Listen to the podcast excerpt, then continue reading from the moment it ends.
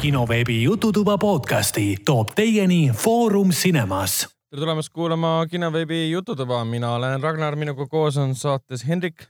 tere! ja, ja kuigi eelmises saates oli Helen olemas, siis tänases saates Helenit ei ole, sest Helen on haige Äh, kurvastusega peame teatama, et me kõik jäime pärast äh, Cannes'i filmifestivali äh, külastamist, kes rohkem, kes vähem haigeks.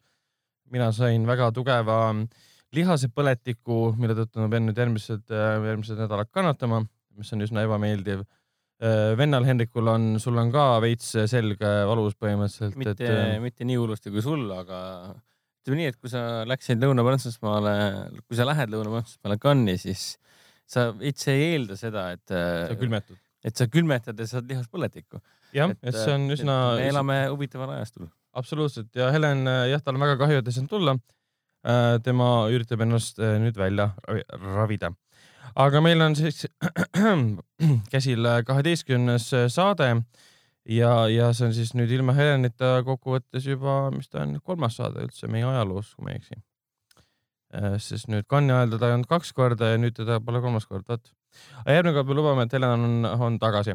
Aga lähme kohe edasi uudiste juurde ja muidugi puudutame esimese asjana kõige poleemikamat, huvitavamat uudist, mis. miks sa, miks sa nii ütled, poleemikamat?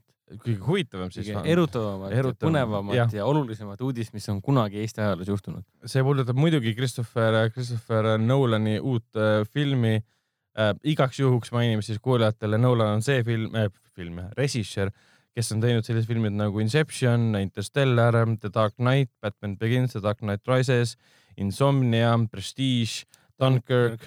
ühesõnaga suurepärane režissöör, kes oleks pidanud ammu saama parima filmi äh, Oscari kätte, aga pole seda siiamaani saanud äh, tema uus film Tenet, mis on siis äh, rahvusvaheline ula,, rahvusvahelise ulatusega spiooni põnevik, kus mängivad peaosas näiteks näiteks teevad, teevad kaasa, tähendab siis on Michael Caine, Robert Pattinson, Elizabeth Debicki, David Robert Washington oli ta nimi või? ma jään segamini. John David Washington. John David Washington, kes on siis Denzel Washingtoni poeg. sa tahtsid öelda vist David Robert Jones? ja, ja, ja, ja, ja liiga palju Genomerit vaadanud, kuna Jared Harrise tegeles, kui mängis Fringe'is David Robert Jonesi.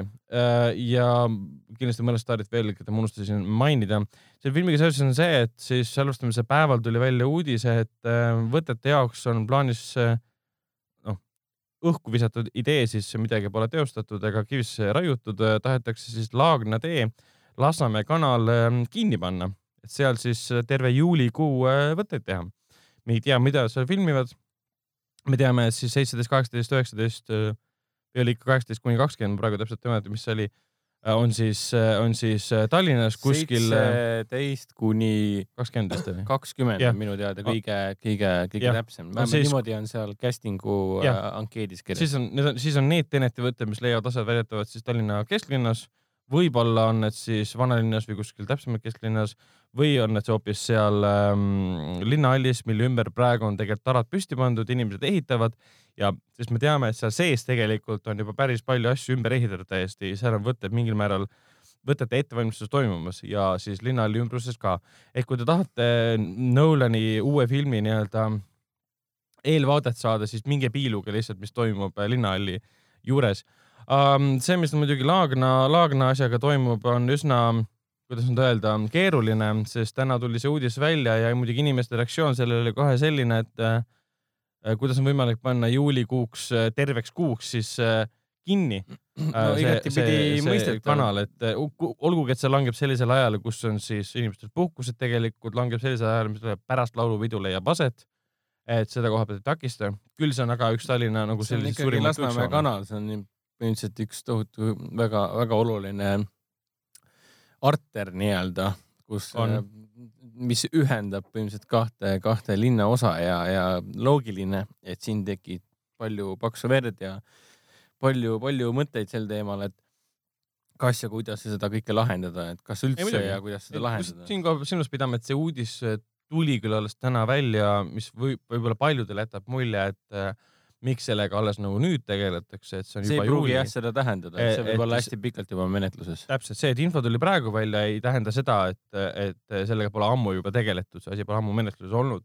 lihtsalt see avalikkuse ette meediasse jõudis alles nüüd. aga mina igatahes seda igatpidi toetan. Äh, kui neil õnnestub äh, logistiliselt asi kõik paika saada linnarahvas oleks õnnelik, saaks ikkagi tööle ja, ja lasteaeda ja mujale, et elu ikka seisma ei jääks, siis selle, seda kõike arvesse võttes saadakse see Laagna, Laagna tee Lasnamäe kanal lukku pandud, oleks no, suurepärane. muidugi see muutub, muudab inimeste elu väga keeruliseks pead hakkama kõik ümber mõtlema, et nüüd see Reidi tee ehitus on ka ja, ja. tantsu- ja laulupidu on juuli alguses. aga see on ainult üheks kuuks, see on ajutine. see on ajutine jah, ja teine asi, mis tasub nagu meeles pidada, on see, et äh, jätkuvalt maailma üks suurimaid ja juhtivamaid äh, filmistuudioid tuleb koos maailma ühe tunnustatuma ja suurima režissööriga, kelle nimi on reaalselt kaubamärk, mille pärast inimesed miljonite kaupa kinno ronivad kaasa arvatud ka Eestis äh,, mitte just miljonite kaupa, aga Nolani filmid on väga populaarsed mm. Eestis. ta tuleb, nad, need kaks tulevad reaalselt Eestisse äh, ja praeguse seisuga on selge, et tegemist ei ole lihtsalt mingisuguste katteplaanidega yeah.. kui alguses jäi mulje, et tegemist on mingisuguse massivõtetega, lihtsalt paneme paar tuhat inimest ühte kohta ja filmime ühte kinnet äh, stseeni, siis nüüd on nagu selge, et äh, Eestis äh, paistab olevat äh, võib-olla isegi ühe käe või isegi kahe käe sõrmed kokku pannes väga palju võtme, võtmetseene just nimelt Eestis tehakse. nojah, me teame seda Laagna tee kohta, me teame Linnahalli kohta, kuskil käis läbi Veerenni, kuskil käis läbi Narva. Veerenni ka? ja, kuskil käis läbi. Huvitav, ma ju, ma ju, ma ju elan sealkandis, nii et. ja väiksemaid-suuremaid võtteid ka, millest nagu üldse ei räägita. et see on igati nagu põnev ja eriti see, et nad tahavad kanali kinni panna. et kas nad tahavad seal nagu Matrix kahe Reloaded'i või siis Bad Boys kahe alguse stiilis mingid meeletud tagaajamisstseenid teha autodega, kus autod hävinevad näiteks. Või siis ja on see, et. kuna Nolan on ju tuntud selle poolest, et teeb asju praktiliselt, kui sa arvestad, mis Dunkirki võtetel no, tehti, Simpsoni võtetel. aga see võib ka midagi täiesti rahulikumat olla, et me, me hetkel ei tea, mis äh, skaalaga või missugune spionaaži põnevik see on. no ma eeldan, et ta on suur. kas ta on mingi Inception-lik ehk siis midagi sci-fi-likku no kas ta on midagi realistlikku nagu Dunkirk? samas ta ei pea üldse sci-fi olema, et olla, olla suurejooneline. siis ma eeldan, et on suurejooneline, sest miks sa paned kanali kinni? Täpselt. sa võiksid aga... panna ühe pisikese maantee kuskil samas, samas see kanal äh, väga kindlal põhjusel äh, Nolani äh, lokatsiooni skautidele ja talle isiklikult tõenäoliselt väga-väga meeldis tema produktsiooni meeskonnale. nii et mida iganes seal tegema hakkavad, siis on minu meelest on väga suur kompliment. Nõuland tuleb Eestisse, Warner Brothers tuleb Eestisse, vaatab, et see on väga ilus. see teie Lasnamäe kanal on nii ilus, me peame seda filmima. ja antud hetkel ma olen väga kade, et, et ma ei, ei ela praegu äh, Lasnamäe kanali ääres, sest kõik need tuhanded kõik need inimesed, kes elavad nendes kortermajades. heade fotoaparaatidega Nendel on vipp, vippkohad põhimõtteliselt, et ja. vaadata ja filmida ja pildistada, et kui seal hakkabki võteteks minema, siis tõenäoliselt saab äh, Eestist äh, paras, äh, mis see ongi nüüd? paparatsode pesa. paparatsode pesa ehk siis kogu internet hakkab kihama Eestist pärit pilte, piltidest ja videodest. siis võime praegu eeldada, et sinna kanalisse, kuna see on suur võte, tulevad kohale ka põhinäitlejad nagu Robert Pattinson Ab. absoluutselt, ühel hetkel me üldse ei imesta, kui me lööd interneti lahti ja siis on sul äh, ühed tuntumad, suurimad äh, meedia, USA äh, filmiveebi väljaanded jagavad pilte, mis on eestlase tehtud ja. tema sotsiaalmeedias, kuidas ma ei tea, Michael Caine kõnnib mööda, sõidab või siis kõnnib mööda Lasnamäe kanalit. Et... ja mul oleks nagu väga-väga kurb, kui see nüüd jääks ära, sellepärast et äh, linna, linnavalitsus otsustab, et me, me ei hakka seda tüli endale tekitama või, või ei, ta ei olegi tüli, tüli tegelikult. kui te suudate on... seda asja logistiliselt paika saada eh,, kuidas liiklust suunata ja kuidas asja nagu, kuidas ühistransporti suunata. ja sellesamuse kommunikatsiooni küsimus, et eh, see on väga suur otsus, see ei Midagi. ole midagi lihtsat, see, see ei ole lihtsalt see, et noh, meil on, meil on maailma suurim eh, stuudio, paneme kinni, see noh, need asjad ei käi niimoodi. aga see on ka väga suur otsus äh, selle stuudio, et ta üldse siit tuleb selle filmiga. ja see omakorda võib tekitada sellise buumi nagu omal ajal oli Prahas või Islandil vahepeal toimus, et tulevadki suuremad äh, filmistuudiod siia, sest nad näevad, et siin on professionaalsed inimesed siin on hea inimestega suhelda. ja meil on väga ägedad lokatsioonid. täpselt, tax küll... rebate on hea süsteem, lokatsioonid on suurepärased, okei okay,, loodus on see, millega ei saa meelitada, meil ongi teatavat tüüpi nagu okei okay,, nõukogude arhitektuur mingil määral, millega meil on väga hea loodus ka, et ma arvan, et nii mõnigi produtsent praegu vaatab Tuulde tahutud maad ja vaatab, et oh no, jumal okay,, yeah. oh jumal. see, mida ma öelda. metsa see Uus-Meremaa, kallis. ei no kallis produtsent, kes sa mul oled ja režissöör, lähme kohe Eestisse. ei, mida ma tahtsin öelda sellega on see, et lihtsalt Eesti looduse sorry, ei ole võrreldav Uus-Meremaa loodusega. et kui sa otsid mägesid või otsid maalilist äh, kohta koos mägedega, seda küll seda küll, aga, aga kõik, mis on ilus, ei pea olema äh, mäed Jaa, ja, seda ja midagi suurejoonelist, vaid hoopis sellist, mis on meie sood ja meie metsad ja meie loomad. ja, aga siin me räägime ikka Hollywoodi produktsioonidest, kus enamalt, kui on fantaasiafilmiga tegu näiteks, siis sul ongi tohutud suured aga mäed, ja aga ongi aeg muutusteks, et Ja pii- ja piisab sellised ühest äh, künkast, mis on Mm. Punamägi asi valmis. aga ühesõnaga ma loodan, et see asi ikkagi laabub ja see asi tehakse ära, sest see, et ta kinni pannakse, on ajutine, see inimeste elurütmi segamine on ajutine. aga üks see, mida see film saab meile nagu kaasa tuua sellega, et tulevased produktsioonid hakkavad siia tulema, tuhanded inimesed saavad tööd, sest see meeletu seda produktsiooni, seal on väga palju inimesi, keda peab toitma, neile peab elamusi, mitte elamusi, elamuid eh, pakkuma ja kõike muud eh, head-paremat eh, mitte nagu teenindama, vaid et nad saaksid, oleks kuskil olla Eestis ja see läheb ka kellegi töö alla, et- ja võib-olla muutume tänu sellele rohkem nagu turistimekaks ka, et vaadatakse, et kurat, siin filmiti Tenet, ma tahan tulla sinna kanalisse nüüd. ma ei kujuta ette, kuidas turistide hordid tulevad kanalisse, samal ajal kui mingi buss number kolmkümmend üks sõidab sealt mööda ja siis inimesed äh,. kas Lasnamäel sõidab buss number kolmkümmend üks või? äh,? jaa, kanalis. minu arust küll kanalis jah. minu meelest viiskümmend neli sõidab vist.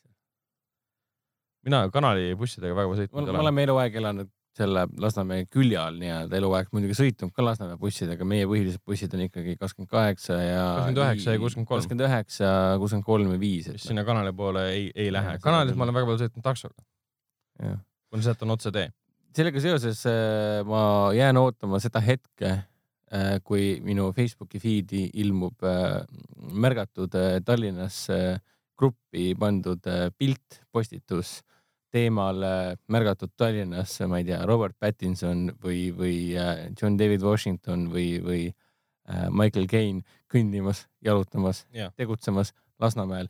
ehk siis, siis, siis, siis võib öelda, et minu elu on läinud asja ette, et ma, ma saan, ma saan oma eluga edasi minna nüüd selles mõttes, et minu elus on olnud moment, kus ma tean, et Michael Caine on mööda Lasnamäge jalutanud ja see on tore. või siis Nolan ise.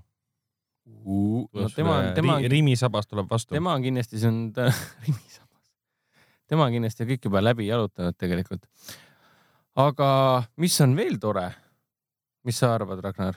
Minu, minu meelest on ja nõus täiesti, et Rambo on väga tore. mis värk selle Ramboga on? Ramboga on see, et see on, on nüüd, mis ta sügisel tuleb välja, et äh, Cannes'i filmifestivalil Stallone käis äh, kohal, eksponeeris või noh, esitles ka ennast ja näitas siis esimese Rambo filmi, mille nimi on lihtsalt First Blood ähm,, 4K restaureeritud varianti. samal ajal siis näitas õrritajaid, mis puudutas siis Rambo ähm, lihtsalt Last Blood'i, see on siis viies osa. ja see tuleb septembris välja ja seal Rambo on siis, John Rambo on siis põhimõtteliselt erru läinud elab oma rahulikku elu äh, Mehhiko kuskil piiri ääres äh, kuni hetkeni, mil äh, kohalik, kohalik selline, kuna Mehhiko on praegu väga ohtlik koht ja narkokartellid on ohtlikud nagu alati, siis tema puutub muidugi kokku nendega. asjasse puutub ka tema tütar, kes ühel hetkel nagu röövitakse treileris, minu arust siin on- üldse ei olnud. pigem kirjas, et tegemist on sõbra tütrega. aa, no vot, vot, vot, ikkagi. keegi. röövitakse ja John Rambo paneb kättemaksu ja seal treileris ongi näha, et kuidas ta istub oma seal äh, kiiktoolil ja rahu, rahulikul elu ja siis samal ajal väidab või noh, räägib umbes sellist juttu, et ähm, keegi ei tea, kes ta tegelikult on ja kõik tema sõbrad on surnud ja mõnest sõbrast on alles ainult mõned tükid, mida sai matta põhimõtteliselt. noh, vägivaldse mehe vägivaldne elu põhimõtteliselt. aga kui eelmise, jumal, kahe tuhande kaheksandal aastal ilmunud Rambo, neljanda Rambo äh, režissööriks oli härra Stallone isiklikult, siis uut filmi tema isiklikult ei lavasta, aga sellest sõltumata on ta ka stsenarist ja muidugi ka peaosatäitja. Ja treileri põhjal äh, tundub, et me saame näha enam-vähem samasugust võimast, ülikuuli, stiilset, täielikku trambolikku andmist, nagu me nägime kümme aastat tagasi, üksteist aastat tagasi. kuigi esimese, esimese treileri põhjal see võib öelda, et selle, et film pole üldse verine. kuigi ma loodan, ta on vist ikkagi R-rated äh, ja oleks vähemalt sama verine kui eelmine film.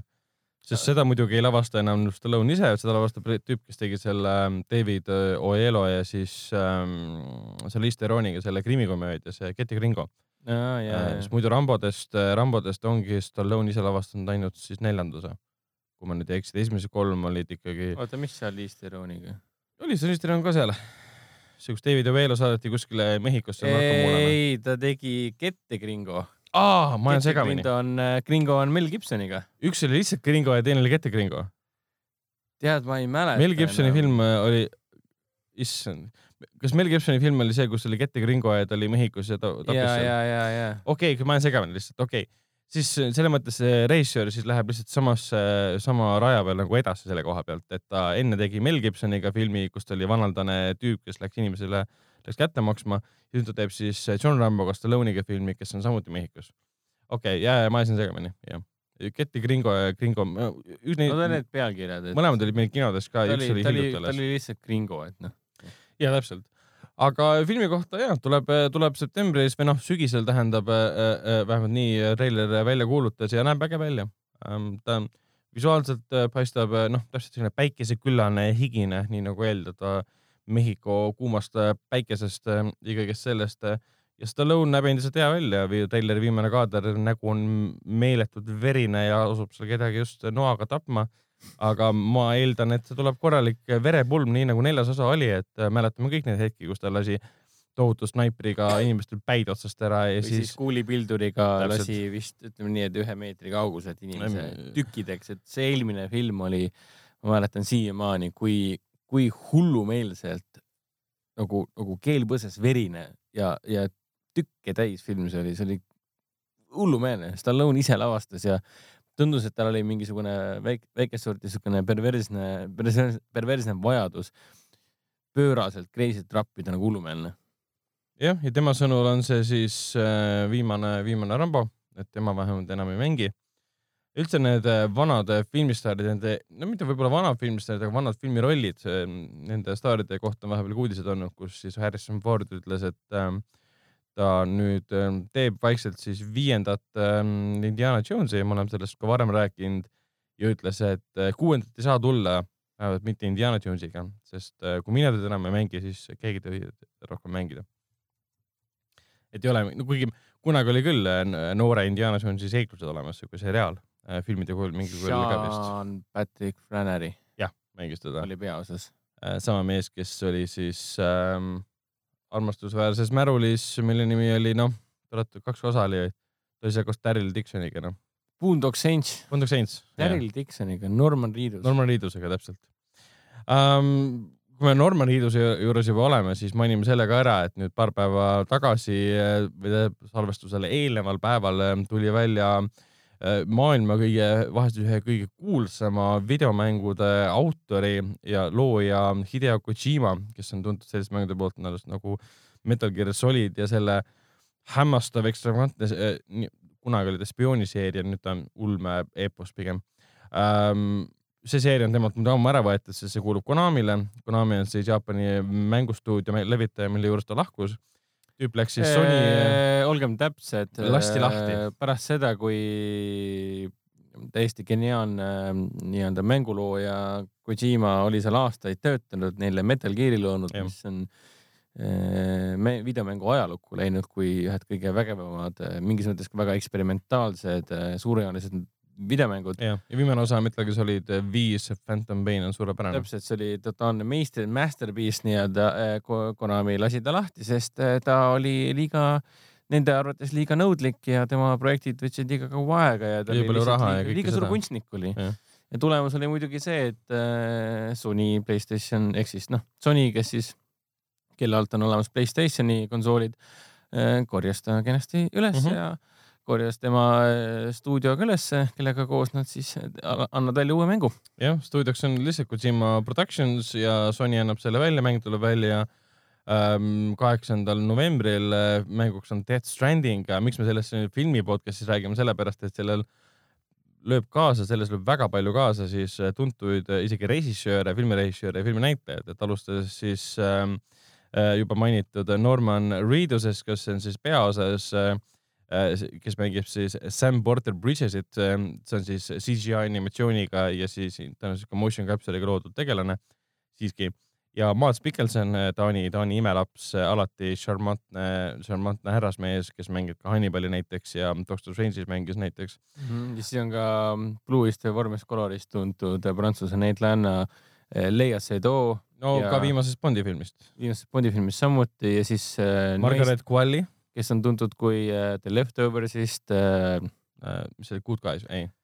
äh, Nice Guys, Nice Nice Guys. Guysist on ta pärit ka, et noh, ja kõige Ja- ägedam on nagu ja see, loomulikult on ta ka uues äh, Tarantino filmis äh, Once upon a time in Hollywood. kõige ägedam see, et kuna ta, ta tahtis, tegi ju mingi hetk, Kojima tegi Silent Hilli väga tuntud mängu, õudusmängude seeria uut osa, mille siis Konami siis, kes on siis Kojima endine tööandja, tühistas selle projekti, tegi koos legendaarse Guillermo del Toroga, filmi režissööriga siis ähm, mängu nimega Silent Hills, aga kuna see tühistati, siis põhimõtteliselt nende suhe äh, koostöö nagu jätkus ja Del Toro andis ka oma näole, oma näo ja siis hääle ühele tegelasele tasub ka filmis üles, et lisaks sellele lööb filmis üles ka Nicholas Winding Refn ehk siis, kes on muidugi ähm, Drive'i ja siis Only God Forgives'i ja, ja tuleta mulle veel äh, Valhalla Rising, Valhalla kus samuti oli Mads Mikkelson.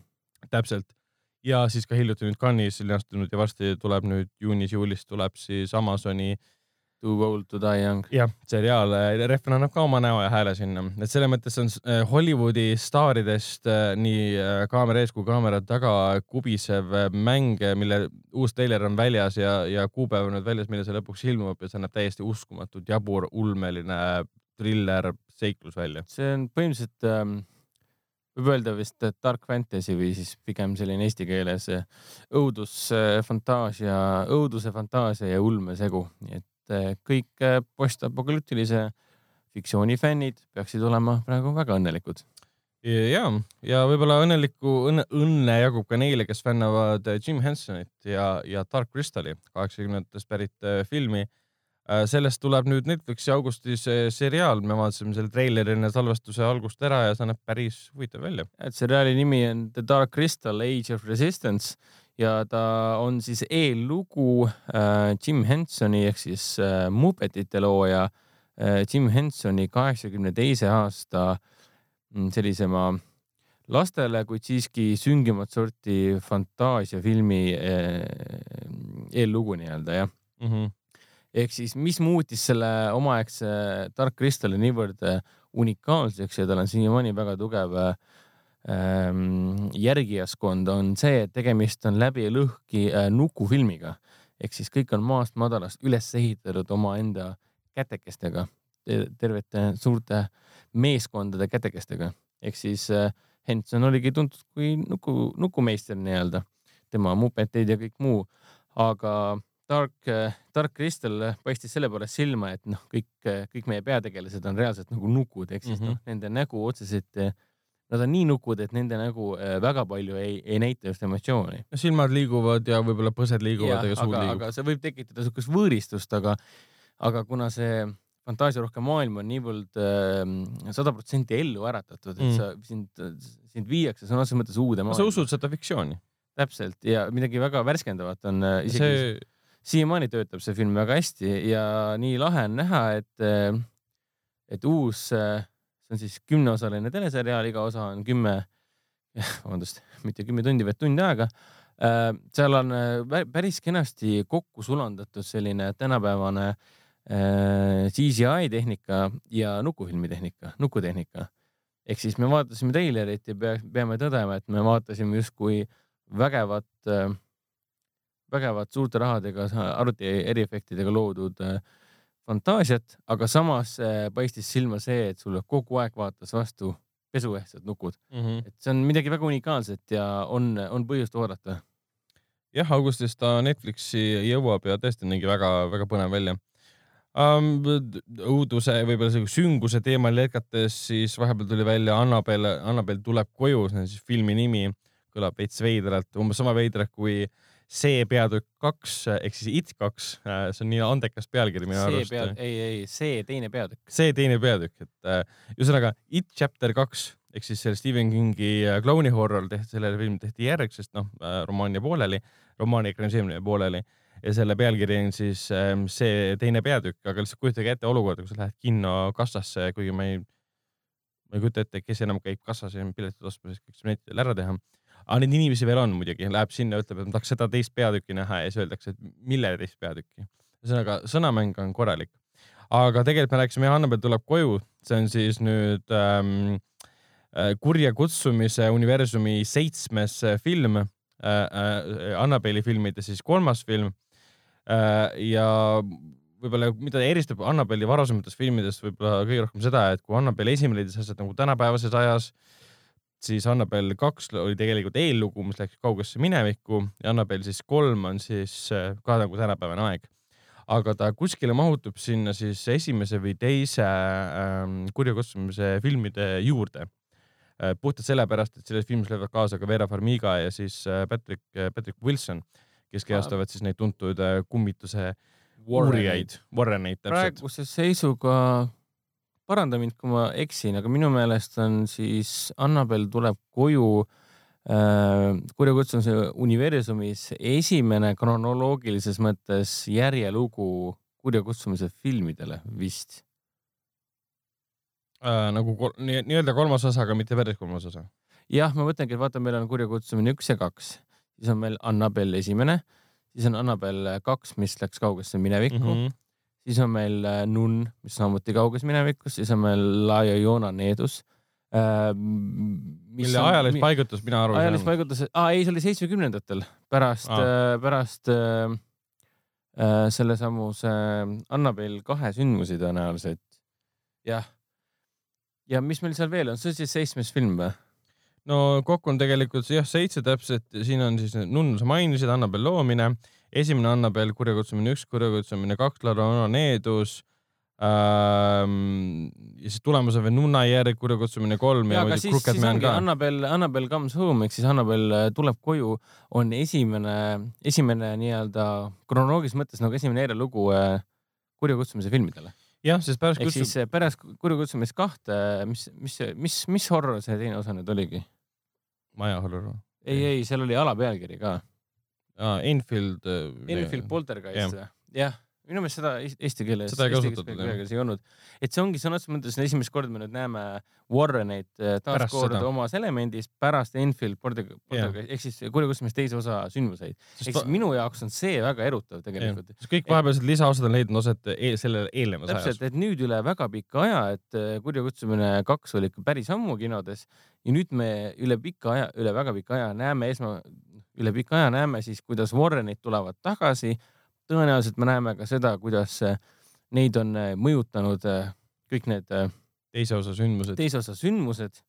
Ja noh, minu silmis mingis mõttes see isegi mõjub veidi, kuidas seda nüüd öelda, et justkui Annabel tuleb koju, on justkui nagu kurjakutsumine kolm mm, -hmm. sest kui ma ei teaks filmi pealkirja, siis ma isegi arvaks, et see olen, ongi seda. nojah, sest treilerites äh, täpselt igal pool äh, Wilsoni ja siis Farmiga tegelaskujud äh, Warrenid siis on väga konkreetselt esile toodud. kuigi kuna Annabeli filmides on alati nagu need lapsed peaosas selle koha pealt, et lapsed puutuvad kokku Annabeli vaimuga, kes on seal sees, et kui teises osas me nägime, kuidas see vaim nagu tekkis sinna, kuidas esialgu siis piinas inimesi, siis nüüd me näeme jah, kuidas Warrenid panevad ta luku taha äh,. Äh, kuigi selle koha pealt ajaliselt tekib see küsimus, me näeme, kuidas ta paneb ta luku taha. aga luku taha ta pandi juba enne esimest äh, kurjakutsumist. oot-oot-oot. kuna kurjakutsumise esimeses filmis ju meenutati seda nukku. ma ei tea, kas sa mäletad seda? ja esimeses filmis see, see nukk reaalselt ju. ju ründas ka. ründas ju varem. ta oli juba seda, siis tegelikult luku taha pandud. võib-olla näeme esimest korda üldse, kui Annabeli nukk pandi luku taha võib-olla, võib-olla see hoopis ajalises mõttes leiab aset enne esimest kurjakutsumist. aga, on... aga aga siin on tütar juba vanem ju. McKenna Grace mängib teda ju. Äh, tüt-, jah, sama tüdruk vist, kes mängis ka esimeses äh, kurjakutsumises enda tütart. ma olen natuke segaduses. et siin võib tulla igasugused muud asjad, vaata. äkki ma siis ajasin praegu jama, et ta ei ole krono-, kronoloogilises mõttes järgmine osa või? vaata, seda on keeruline praegu öelda, sest treileri, treileri alguses me näeme, et nukk pannakse sinna kinni aga ja, tegelikult see tseen võib pärit olla nagu filmis selles hetkes, kui me näeme nagu mineviku meenutust, kuidas see võib jah leida siis aset ju tegelikult esimese ja teise kurjakustuses vahel.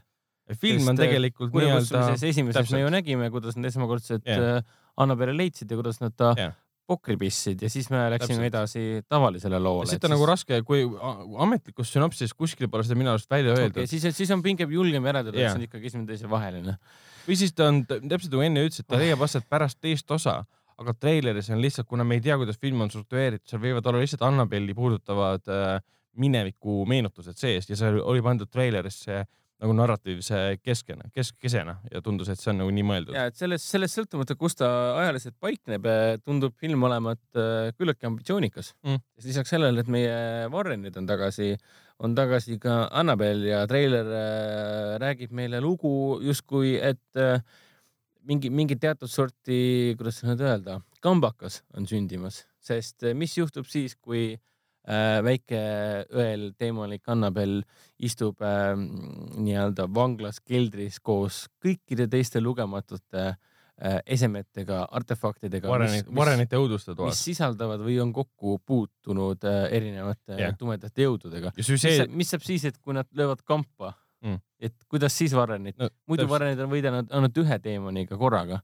aga mis siis saab, kui neid on viisteist? no kindlasti Warrenitel on filmis tegelikult mingi miniroll ikkagi see enamalt ikkagi selline asi selles, et nemad, täpselt, et nemad lähevad kodust. me siin oleme erutatud, oh Warrenid on tagasi, lähed filmi vaatama, nad on viis minti seal. täpselt, et nemad, nemad tulevad alguses ja lõpus võib-olla, nad ikkagi lähevad kodust ära, tuleb lapsehoidja nende tütrele ja lapsehoidja põhimõtteliselt on väga huvitatud sellest toas ja läheb sinna sisse, sõna otseses mõttes näpib läbi kõikvõimalikud asjad, mis omakorda vabastab kõik need äh, vaimud ja need teemonid seal keda kõik siis tõmbab nagu Annabel, kuna treilis öeldakse välja ka, et Annabeli vaim või see, see on see, keda tõmbab ligi teisi vaime. siis see lapsehoidja läheb ja siis treilis küsitakse ka, et mida sa veel katsusid lisaks äh, Annabelile? Nagu kõike, mis minu jaoks on umbes selline, et ma saan aru, et sa ei pruugi vist uskuda kõike, aga, aga, aga isegi sinu uskumatuses, äh, isegi, isegi siis ma, ma võin olla kõige võin olla inimene, kes üldse ei usu mitte mingisugust mm. üleloomulikkust, aga jumala hoidku, kas ma tõesti lähen katsun kõike. ei saa nii loll olla nagu, no, sorry nagu. aga sellepärast ongi õudusfilmid olemas, et lollid inimesed saaksid teenitud karistuse. rääkides asjadest, mis saavad või inimestest, kes saavad teenitud karistuse, siis äh, John Wick on mm. Äh, väga põhjalikult karistanud kõiki neid, kes teenisid välja tema raevu. jah, mina kahjuks, eh, mul ei õnnestunud seda filmi näha sa oled ähm, reetur, Ragnar, sa oled reetur, uskumatu. nägime, nägime teised filmid õnneks ära äh,. Äh, saan aru, et sa vaatasid teist osa uuesti? vaatasin teist osa uuesti, ta meeldis mulle oluliselt rohkem kui esimene kord, mul oli üsna negatiivne mulje sellest filmist esimene kord, kui ma seda kinos vaatasin äh,. lugu tundus kuidagi ligadi-logadi, maailm ei tundunud huvitav, action tundus nii põnev. teist korda vaadates ma mõistsin selle filmi eesmärki palju paremini, võib-olla lihtsalt oli kunagi halb tuju, kus ma seda vaatasin Äh, et teine osa pigem nagu näitab väga selgelt, et mismoodi John Wick ähm, töötab, kui esimeses filmis me nägime tema kättemaksu ja räägiti, et ta on legendaarne, nüüd me näeme põhjust teises osas, äh, miks ta on legendaarne. ja, ja kolmandat osa veel ei ole näinud, aga seda on näinud äh, vähemalt nii palju rahvast, et see on nüüd üle kogu maailma teeninud juba üle saja kaheksakümne viie miljoni dollari, mis teeb sellest antud siis frantsiisi jah, ta on juba frantsiis põhimõtteliselt. kõige edukama. Ähm, kõige edukama filmi ja, ja seda Lionsgate äh, filmi stuudio tabas juba ammu ära, sest eelmine nädal nad juba andsid teada, et John Wick äh, peatükk neli, mille alapealkirja me veel ei tea, tuleb juba järgmisel, oli järgmine aasta või? kaks tuhat kakskümmend üks oli vist või? vist oli järgmine aasta juba tuleb. see ei olnud nüüd nii kiiresti. tundub liiga vara vist või? ja, sest see on järg, oota, järgmine aasta, mis asi, kaks tuhat kakskümmend või? Ja praegu on äh, kaks tuhat üheksateist ja siis ta tuleb kakskümmend üks. aga ma vaatan üle, kas sul on, äh, kas sul on ei, õigus, kaks tuhat kakskümmend üks suvi, sul on õigus. aga ma ei tea, minu arust on see väga tubli, tubli saavutus. film püsib endiselt ka Eesti äh, ede, nädalavahetuse edetabelites täitsa korralikult. okei okay,, ta Aladini vastu päriselt ei saa, aga Äh, kes Aladini vastu ka tegelikult saaks, äh, võib-olla ainult Godzilla, aga sellest, äh, seda, see selgub järgmises, järgmises saates, järgmisel nädalal. Ähm, John Wicki edust edasi minnes mainime ka Cannes'i filmifestivali võitjad ära. eelmisel nädalal, kui me saadet tegime, ei olnud veel Cannes'i võitjad välja kuulutatud. kahekümne viiendal mail kuulutati järjest kõik Täpselt. prestiižsete auhindade võitjad välja ja kõige olulisem auhind ehk siis Palm d'Or läks äh, Lõuna-Korea meisterlavastaja, meie isikliku lemmiku Junho Bongi äh, filmi nimega Parasite'ile, kus ja. siis peaosas on Lõuna-Korea üks väga tuntud, üks tuntud ka läänes väga tuntud, väga suurepärane, väga suurepärane näitleja äh, Kang Song. Junho Bongi filme, kallid kuulajad, olete kindlasti näinud, sõltumata sellest kas te olete Lõuna-Korea äh, kinokunsti austaja, et siis tema. noh, Netflixis on tema Oki olemas täiesti, mis on selline kergem. jah, minu meelest Okja on üks kahest tema ingliskeelsest filmist äh,. ei. kas Okja see peategelane rääkis korea keeles või? Mõlemas tegelikult. okei okay., siis ta oli niisugune fifty-fifty siis jah? jah, see on tema üks kõige kergemaid nagu lastesõbralikumaid filme ka yeah., aga tal on väga tugev äh, teema ja väga tugev lavastus. aga tema esimene ingliskeelne katsetus, noh katsetus on raske öelda ah,. Snowpiercer. oli Snowpiercer äh, ja mille peaosas oli ei keegi muu kui Captain America Chris Evans ja, ja, ja kõrvalosas nüüd... oli muidugi Tilda Swinton jälle ja jälle, Ed Harris ja Jamie Bell ja loomulikult ka Kang Ho Song, kes on ka siin Parasite'is peaosas. jah, Snowpiercer ühel hetkel peaks nüüd, ma hiljuti nägin äh, Netflixi Coming Soon'i ajal, et peaks nüüd varsti jõudma Netflixi ka. Snowpiercer on meisterteos, kes pole seda filmi näinud, omal ajal kinos ka on suurepärane film. suurepärane Aga..., suurepärane apokalüptiline ulmefilm. jah, lisaks on ta muidugi lavastanud ühe kõige, kõigi aegade parima, parima filmi või noh, pigem trilleri, krimifilmi äh, Memories of Murder, mälestused mõrvast, kus ka mängis Kang Ho Song. ta lavastas ka suurepärase filmi Ema, Mother um,. Barking Dogs Never Bite oli tal näiteks ka, ühesõnaga ta on täpselt selline reisijal, kes suudab uh, blockbusteri mõõtu peredraama teha. panna sind hoolima kõikidest tegelastest, panna sinna sisse kriminaalsed teemad, on see siis nagu süžee puudutab uh, kriminaale näiteks või puudutab nagu mõrva, pluss ta tahab selle alati iga filmiga, ta ütleb midagi, kas Korea ühiskonna kohta, inimese kohta, inimolemuse kohta, maailma ajaloo kohta, midagi laadset ta on täpselt selline režissöör, kelle filmi sa pead väga palju mitu korda vaatama, et, mõista.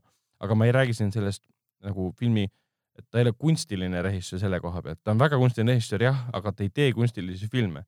ta teeb nagu üks, üks suurepärane Lõuna-Korea režissöör filme teeb, et nad on hoopis teises pilotaažis loodud, teise taseme põhjal loodud, nad ei vasta lääne filmikultuuri tasemetele ei no,, nad on hoopis teisel jah, tasemel. selles mõttes, et ta muidugi ta teeb kunstilisi filme, aga Seda need küll. on väga ligipääsetavad filmid, sest et et kui kallis kuulaja ei ole kunagi näiteks Lõuna-Korea filme vaadanud või ta on mõelnud selle peale, aga pole kunagi jõudnud selle, siis, siis Junho Bongi filmid on väga hea algus. Äh, aga kui me räägime ka teistest võitjatest, mainime siis näiteks ka vana hea Antonio Banderase ära, kes mm -hmm. sai siis parima meesnäitleja auhinna oma rolli eest Pedro Almodovari uhijuues filmis Valu ja hiilgus Pain and Glory, mis ka meie kinodes, Foorum Cinemas kinodes alustab äh, juba neljateistkümnendal juunil. et äh, rõõm on tõdeda, et Cannes'i järellainetused jõuavad väga kiiresti. kahjuks äh, tundub, et Parasite'i me kinos näha ei saagi, sest äh, kas see nüüd on, see on kuulujutt või on see fakt, et Netflix ostis õigused ära? Parasite'i kohta, seda ma pole isegi kuulnud, et Netflix oleks ostis. mina just nimelt seda kuulsingi, et Aa. Netflix. Cannes'i, Cannes'i võitjatest, mida võtta Netflixi kohta, on see, et äh, Grand Prix võitnud Atlantic äh, äh, Mati Dibiot äh,, Diop on siis režissöör, selle filmi ostis õigused ära siis Netflix ja äh, žürii auhinna, kus oli siis tegelikult äh, viik kahe filmi vahel, üks oli Les Miserables ja teine oli Paku Rau ähm,. Les Miserables, mida me Cannes'is ka nägime, selle ostis ära Amazon. see on, see oli päris äge krimifilm, kaudselt, väga kaudselt ja, siis ähm, mis... Victor Hugo romaani ainetel. mis võib hakata päris suuri tegusid tegema. aga Parasite'i kohta sa juba leidsid midagi, et Netflixi, et seda ausalt öeldes mina pole küll mitte midagi kuulnud. äkki ma nägin siis unes seda. hirmu, hirmu une nagu nii-öelda ma olen veendunud, et me seda filmi Eestis näeme, aga me näeme et... seda PÖFFi raames, ma arvan. ma vaatan, et see ei ole vist tõde ah,. no siis sa nägid ilmselt unes või see on soolvunemad nii-öelda uh,. äkki ma lihtsalt kartsin nii väga. kui sa niikaua, kui sa kontrollid seda infot, siis ma mainin ära, et parima siis eh, naisnäitleja auhinna sai Emily Beecham eh, filmi eest Little Joe, mida me ka tegelikult kaalusime vaatama minna, aga ei jõudnud. Ähm, jah, seda sa mainisid juba, kes oli parim näitleja, parim režissöör muidugi vennad Dardennid äh, filmiga Young Ahmed. see pole üldse üllatav, sest Dardennid on minu arust igal aastal äh, äh, esindatud alati väga tugeva filmiga siis Cannes'i festivalil. parima stsenaariumi võitis siis Portrait of a Lady on Fire. Ähm, parima siis, okei okay,, see on siis parima operaatori töö sai siis Our Mothers Äh, äh, žürii erilise äramärkimise sai It must, It must be heaven. Äh, veel ühe siis äramärkimise sai Monstruo Dios. ja Queer Palmi sai siis Portrait of Lady on Fire ja Queer Palm Shorti sai siis The distance between us and the sky. nii mõnigi neist hakkab ka kindlasti Eestimaale jõudma ei, PÖFFile nad jõuavad kindlasti ja, ja varem või paljud hiljem nad jõuavad kõik siia.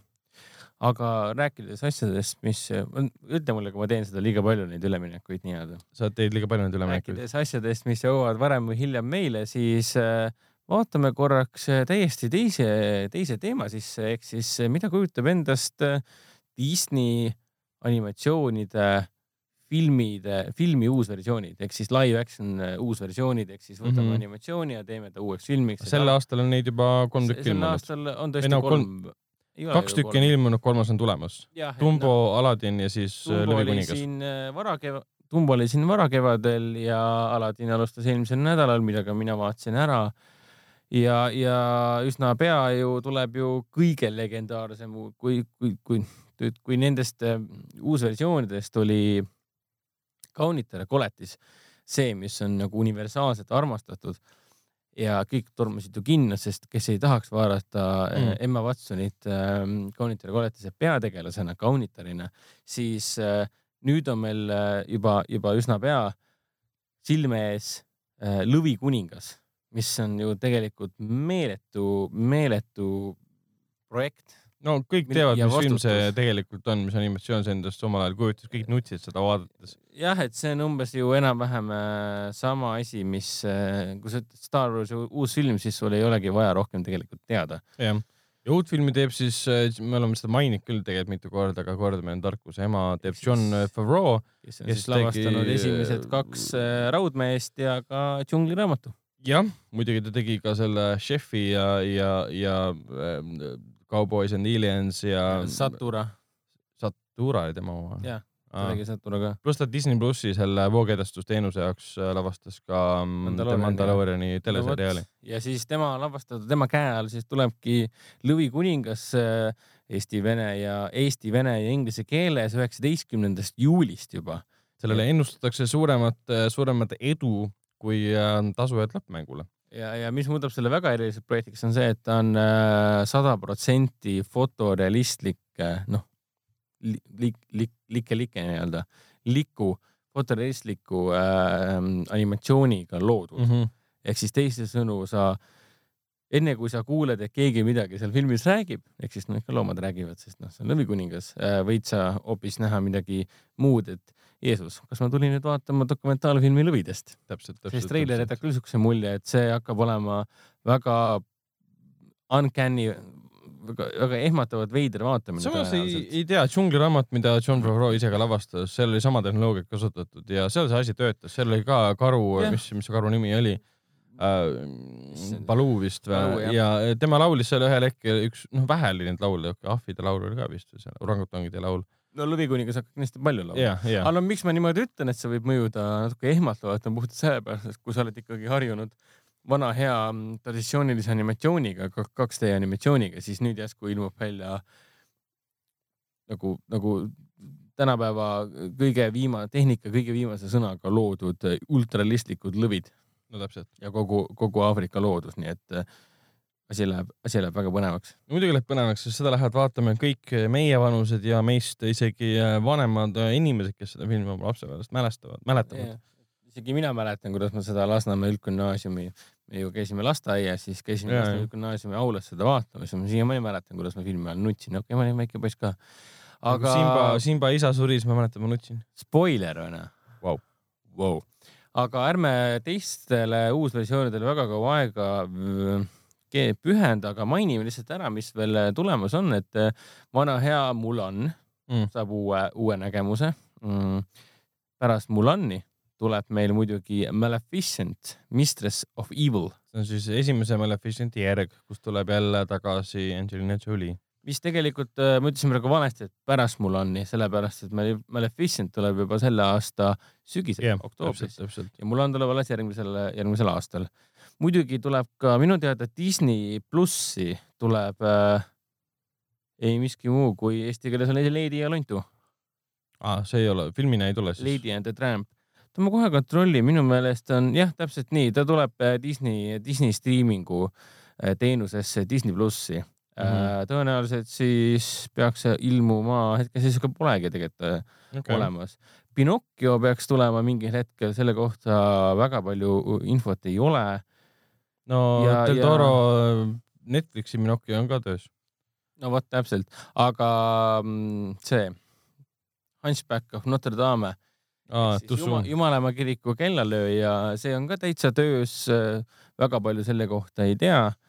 Aga noh, neid filme, Disney annab teada, ta annab kogu selle tulu, mis nad sellest filmist saavad, annavad Notre Dame'i ülesehitamiseks, oleks päris, päris huvitav lahendus eh, nende poolt. jätkame aga siis eh, Seal Sooniku filmi teemal, film, mis nüüd vahepeal sai oma esimese treileri, aga mille ütleme siis Sooniku disaini tõttu äh, äh, tuli väga päris suur vastukaja äh, fännidelt ja, ja e- eripalgelistelt äh, kriitikutelt äh, see vastukoha oli nii terav, et äh, põhimõtteliselt Andrew Reischer teada Twitteris, et tema nüüd äh, laseb siis Sooniku disaini täiesti ümber muuta, sest see oli täiesti kõlbmatu vähemalt äh, fännide jaoks, keda näiteks äh, pani õõva tundma see, Soonikule andi inimestele omased hambad näiteks ja ta ausalt öeldes ta nägi üsna kehv välja ja kuna see treiler tuli välja umbes samal ajal, kui Pikachu film oli kinodes, kus siis väike ani- animeeritud tegelaskuju, väga palju tegelikult neid väikseid animeeritud tegelaskuju, nii suured kui ka väiksed, olid suurepäraselt tehtud, siis Sonic oma nägi väga odav välja.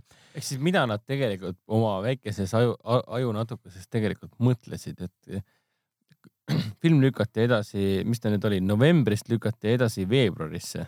jah, ta pidi novembris ilmuma, lükati järgmisesse aastasse, et jõuaks asja valmis teha. mida nad tegelikult nagu mõtlesid siis, et, et kas see tundus siis nende arust nagu okei okay või? see tundus olevat valmis nende jaoks ja sellest piisab. ja, ja kuidas, kuidas sa saad nii loll ja nii ülbe olla, et arvata, et see selline nõdrameelne, nõdrameelne nii-öelda väike, väike sinine ludru sobib kuidagigi äh, avalikkuse ette äh, näitamiseks.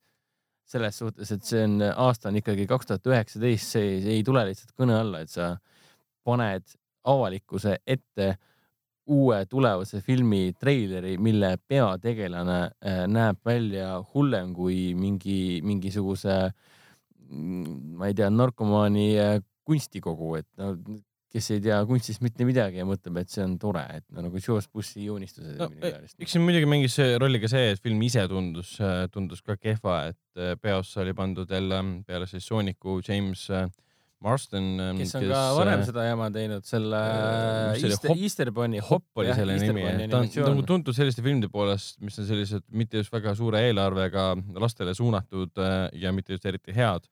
Et üldse kogu see kompott sellest filmist tundus olevat selline, et nagu milleks te tegite selle. et noh, see animatsioon animatsiooniks, see, see samune mm, character design character disainiks, ega see film ise ka üldse hea välja ei näe. välja lihtsalt arvatud Jim Carrey, kes näeb väga äge välja. jah, aga lihtsalt kuna see vastukaja sellele Sooniku disainile oli niivõrd kriitiline, siis see on hämmastav, et lükata edasi et nad võtsid kuulda, tavaliselt ei juhtu siukest asja, no,. et ei võeta kuulda.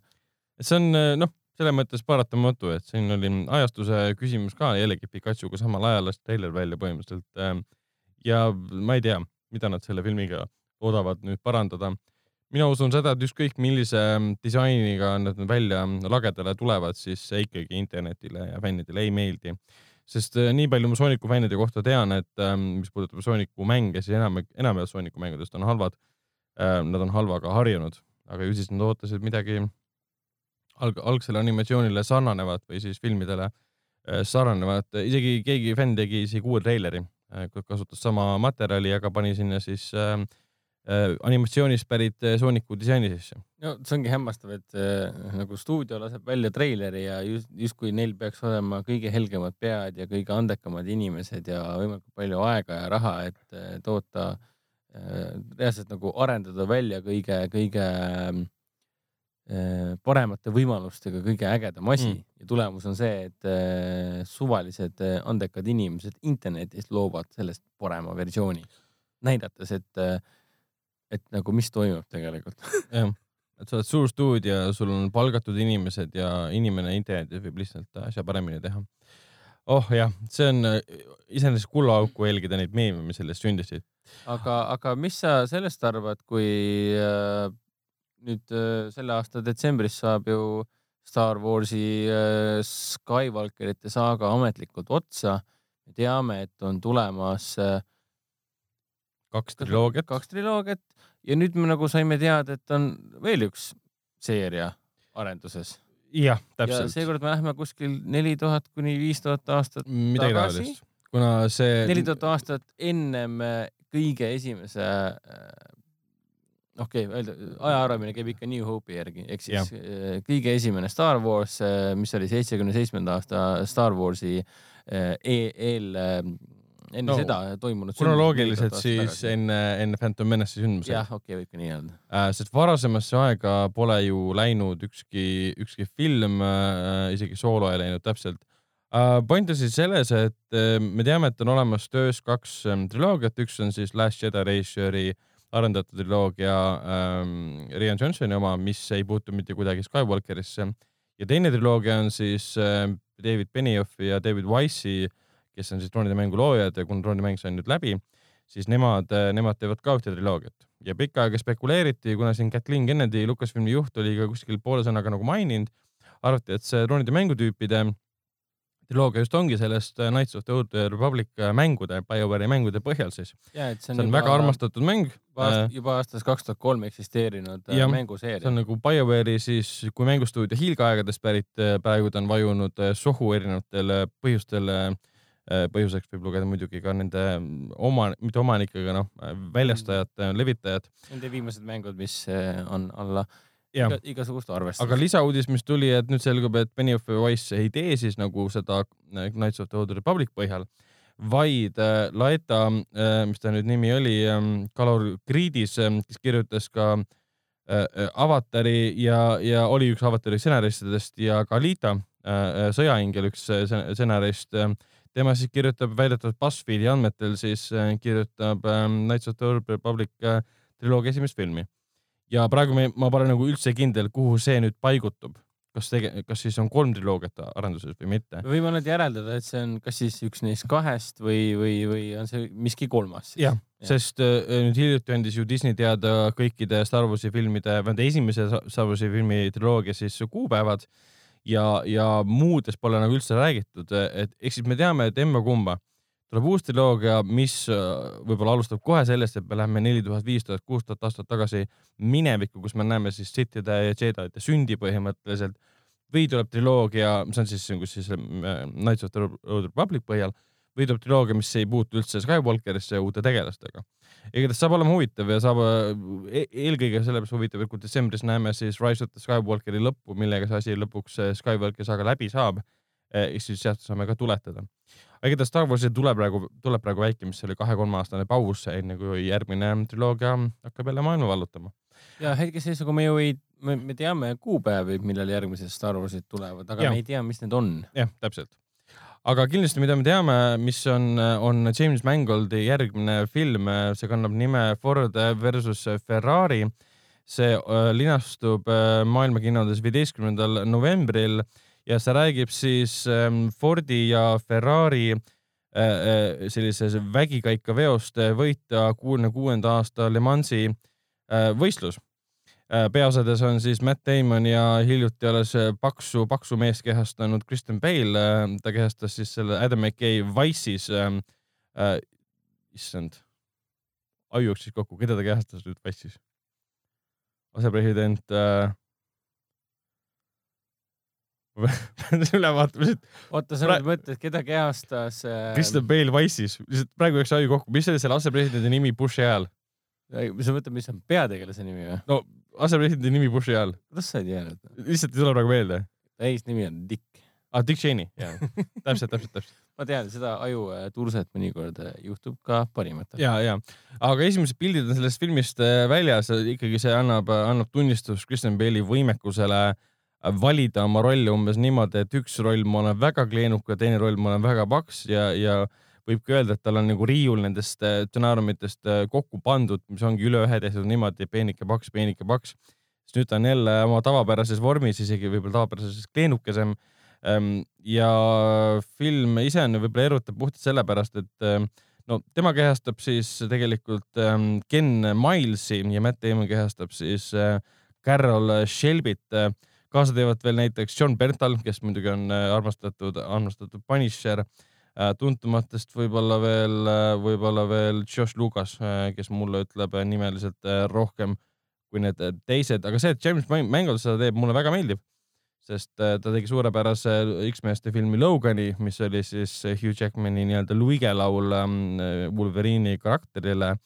Ta tegi ka Johnny Cashi filmi Walk the Line, ähm, ta tegi ka suurepärase Westerni kolmkümmend juumasse, kus äh, oligi, oligi, oligi Russell Crowe, ähm, Christian Bale ja Ben Foster tegid suurepärased ja suurepärased rollid. esimesed pildid Ford versus Ferrari'st on väljas ja näeb välja sihuke korralik Oscar, Oscar Bate film, aga. ja, ja isegi režissöör on seda kirjeldanud nagu teistmoodi, et ta ei tahtnud teha nagu tingimata rallifilmi, kus siis äh, Ford versus Ferrari, noh, elementaarne ralli, ralli võistlevad omavahel, kellel on võimsam masin ja kes suudab võita. aga ta kirjeldab seda rohkem nagu rallimaailma Pats, Pats and Sundance'i nii-öelda. et ta tahab teha rohkem, eks ta sihuke paras vesterni mees on, et ta tõenäoliselt püüab säilitada oma Loganlikku äh, nii ja, ja oma vesterni, vesterni kogemusi ka sellises dramaatilises äh, päriselu loos mm. -hmm, et mhm. iseenesest mm -hmm. mulle väga meeldib, et on just nimelt Mangold on see, kes seda asja lavastab Äh, jah, reisijaaridest äh, rääkides, siis ähm, vahepeal tuli ka nüüd kahe podcast'i vahel järgmise Terminaatori filmi ähm, Sünge saatus, see on siis nüüd kuues osa selles seerias, mis käitub tegelikult kolmanda osana, kuna ta on teise osa järg. Lavastab seda Tim Miller, kes on siis esimese Deadpooli reisijär ja produtsent ja stsenarist ja üldse väga tugev isiksus kaede taga muidugi James Cameron, kes on esimese Terminaatori ja teise Terminaatori, Terminaator kaks kohtupäev režissöör Rääk,. rääkimata muidugi Linda Hamiltonist, kes jah, on Linda Hamilton nii, äh, nii, nii, nii, nii tagasi kui tagasi. täpselt, ta oli esimeses kahes osas oli kaasa, kolmandas, neljandas, viiendas teda polnud ja muidugi Arnold Schwarzenegger on ka tagasi. Filmi esimene treiler on väljas, ta on nüüd kõige, ütleme, olgem ausad, paremat muljet ei jätnud uh,. võib-olla lasi treileris, sest siin on veits, tundub, et me oleme võtnud nagu teisest või esimesest osast pärit elemendid kus sul on jälle seltskond inimesi, kes kaitsevad ühte tüdrukut, antud juhul siis muidu oli selleks John Connor ehk, ehk poiss, kas siis esimeses osas sündimata mehena, mehe, lapsena või teises osas juba teismelisena. aga selles uues filmis, mis käitub nagu kolmanda osana, kuna neljandat, viiendat, kuuendat praegu ei arvesta, neljandat, kolmandat, neljandat, viiendat ei arvesta, siis seal nagu ajab äh, uut laadi Terminaator ajab tagasi siis ühte neiut ja siis Linda Hamilton ilmub välja äh, ja üks teine uut laadi Terminaator kaitsevad teda. ja uut laadi mismoodi? noh, seal on ähm, Gabriel Luna, kes siis ähm, Agents of Shield'i seriaalis mängib äh,, mängib seda ähm, issand, leegitseva peaga tüüpi Ghost Riderit ähm,. Äh, tema ausalt öeldes minu, ma ei näe teda selles rollis üldse ta sest, näeb, äh, ta näeb väga-väga tühi välja. ta näeb, ta ei näe üldse ähvardav välja. suvaline välja. meenutame Robert Patrickut teises osas, siis ta nägi väga huvitav veel. isegi, isegi, isegi Kristanna Loken kolmandas. kolmandas osas täpselt ja, ja isegi neljandas osas, okei okay,, neljandas osas olid asjad teistmoodi, noh viiendas. seal paha Terminaatorite osas nagu ei olnudki, seal oli lihtsalt terve kari Terminaatorit. viiendast ei peagi rääkima, aga point on selles, et Terminaator on nagu leiab aset siis nagu pärast teist osa. ja see Terminaator, kes tuleb siis meelde nagu kaugus tulevikus tapma seda tüdrukut mingil põhjusel äh, seisneb siis selles, et äh, ta kuidagi, tal on, ta on umbes nagu T1000 ehk siis Robert Patricku kehastatud ähm, teise osa Paha Terminaator. siis vedel. Äh, vedelkristall või vedelsulam. vedel, vedel, vedel vedelsulam, sula, sulametallist koosnev äh, Terminaator. Aga kuna selle filmi treileri ühes stseenis me näeme seda, et ta võtab oma selle vedela osa oma endo skeletoni pealt ära ja vedela osa muutub äh, uueks Terminaatoriks, kes läheb võitlema ja skelett sõna otseses mõttes see algupärane Terminaatori skelett jääb siis autot juhtima, siis ma saan aru, et üks Terminaator ja. saab ennast kaheks teha põhimõtteliselt. ta saab ennast kaheks paljundada, poolduda nii-öelda. tervikuna on ta tugevam, aga kahe erineva jupina on siis nagu nõrgem. ja, ja Mackenzie Davis siis eh, tuntud sellisest seriaalist nagu Halt and Catch Fire. ja ka Blade Runner kaks tuhat nelikümmend kuuest. nelikümmend üheksa. nelikümmend üheksa, vabandust, issand. jah, nelikümmend üheksa tema kehastab siis äh, Terminaatorit, kes äh, meenutab äh, mulle isiklikult äh, sellise seriaali nagu Terminaator Sarah Connor kroonikad äh,, kus oli samuti peaosas äh, ei keegi muu kui Liina Hiidi äh, Troonide mängust. see oli siuke seriaal, mis mitu aastat tagasi jooksis siin, kui ma nüüd ei eksi, siis oli ta ainult kaks hooaega mm. -hmm. miks ma sellest räägin, on sellepärast, et äh, Mackenzie Davisi tegelane meenutab väga mulle Summer Glow, selles seriaalis Summer Glow kehastas, Summer Glow on siis kõigile teada-tuntud Firefly seeriast äh, väga. River Dam. River Dammina. Joss Whedoni geniaalne seriaal. kultusseriaal. mille kohta võib öelda, et kui te olete kurvad, et teile ei meeldi, kuidas troonimäng lõpeb, siis vaadake, kuidas lõpeb Firefly jah, võib ka nii öelda. ma segasin vahele, nii äh,. miks ma üldse sellest jahun praegu on sellepärast, et Mackenzie Davisi Terminaator uues äh, Dark Fate'is väga-väga meenutab mulle Summer Glau kehastatud Terminaatorit, äh, kelle nimi oli Cameron äh,. Terminaator Sarah Connor kroonikates ehk siis taaskord on siuksed sihvakad äh, noored äh, naised ja siin ta muidugi ütles selle võlusõna, et äh, tõenäoliselt tundub, et Terminaator arvab, et on inimene. see on tuttav teema jällegi neljandast Terminaatori filmist. kus äh, Sam Worthington äh, kehastas äh, meest enne sõda ehk siis Skyneti sõda ja pärast Skyneti sõda ta leiti üles, käis mööda siis Kõnnumaad ringi, ta oli vahepeal muudetud Terminaatoriks või noh, robotiks.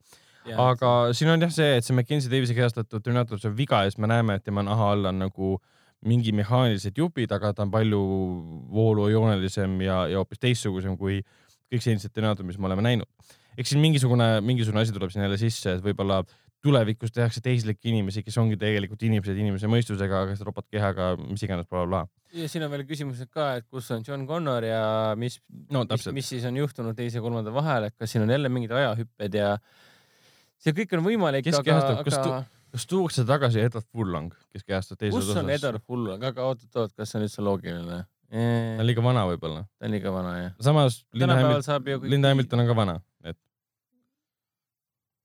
jaa, selles mõttes küll, Linda Hamilton on kõvasti vanem, kui ta oli, kui ja. ta oli teises osas, nii et taaskord tekib hästi palju küsimusi, et äh, kui see on nüüd uus kolmas osa, siis kui mitu aastat tegelikult on teise osa sündmustega. mis see John, võib-olla filmi alguses öeldakse kohe, et John sai surma vahepeal, mis on nagu võimatu, sellepärast tema peaks olema ju ja, tuleviku, tuleviku äh, revolutsiooni ja vastuolu liikumise juht et.... kuigi teise osa lõpupoint oli selles, et nad hoidsid kohtupäeva ära, nad hoidsid ära selle tuleviku, et Skynet võtab üle ja hävitab ära, nad hoidsid selle ära no aga, nüüd... Kol aga kolmas ja tuletas kolmas osa meelde nüüd..., et seda ei ole võimalik ära hoida, sa lihtsalt saad seda edasi lükata. ja, ja nüüd see uus kolmas osa teeb sama asja põhimõtteliselt.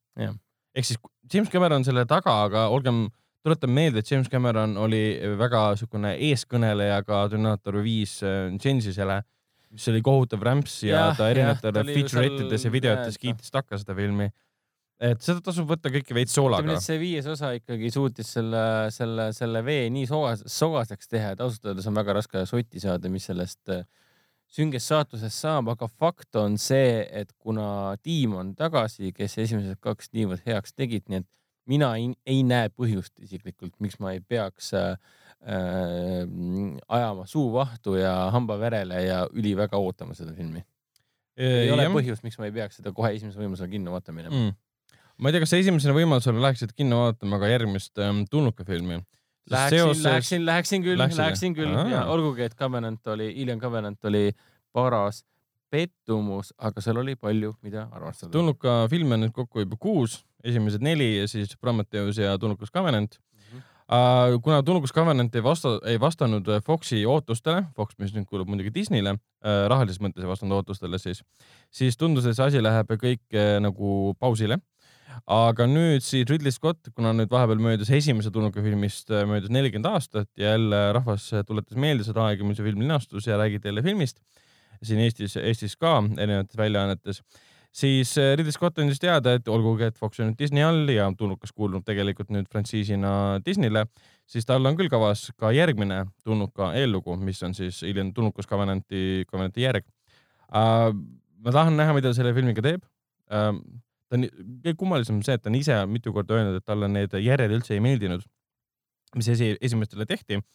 välja arvatud siis James Cameron oma, sest teine osa oli suurepärane, aga tema on nüüd praegu see, kes neid järgi toodab, järgesid toodab äh,. Äh, vaatame, mis juhtub, sest Tulnukas Covenanti ja siis Prometheusest on tegelikult äh, kokku pandud üks film, kus on tehtud nagu paralleelmontaaž paralleeltegevusega, üks koherentne korralik film, et äh, Prometheus kohati mulle väga meeldis, ma olen siiamaani selle juures, et, et ta on suurepärane film. võrreldes Covenantiga äh, olen ma valmis äh, üheksakümne protsendi ulatuses äh, enamik rumalused andeks andma, sest ambitsioonikus läheb kirja kui väga suure plussina mm mulle meeldib, kui film on vigane, aga ääretult ambitsioonikas. tema probleem oli muidugi see, et ta mitte ei vastanud küsimustele, mida me ootasime, vaid tekitas uusi küsimusi, mida me ei oodanud.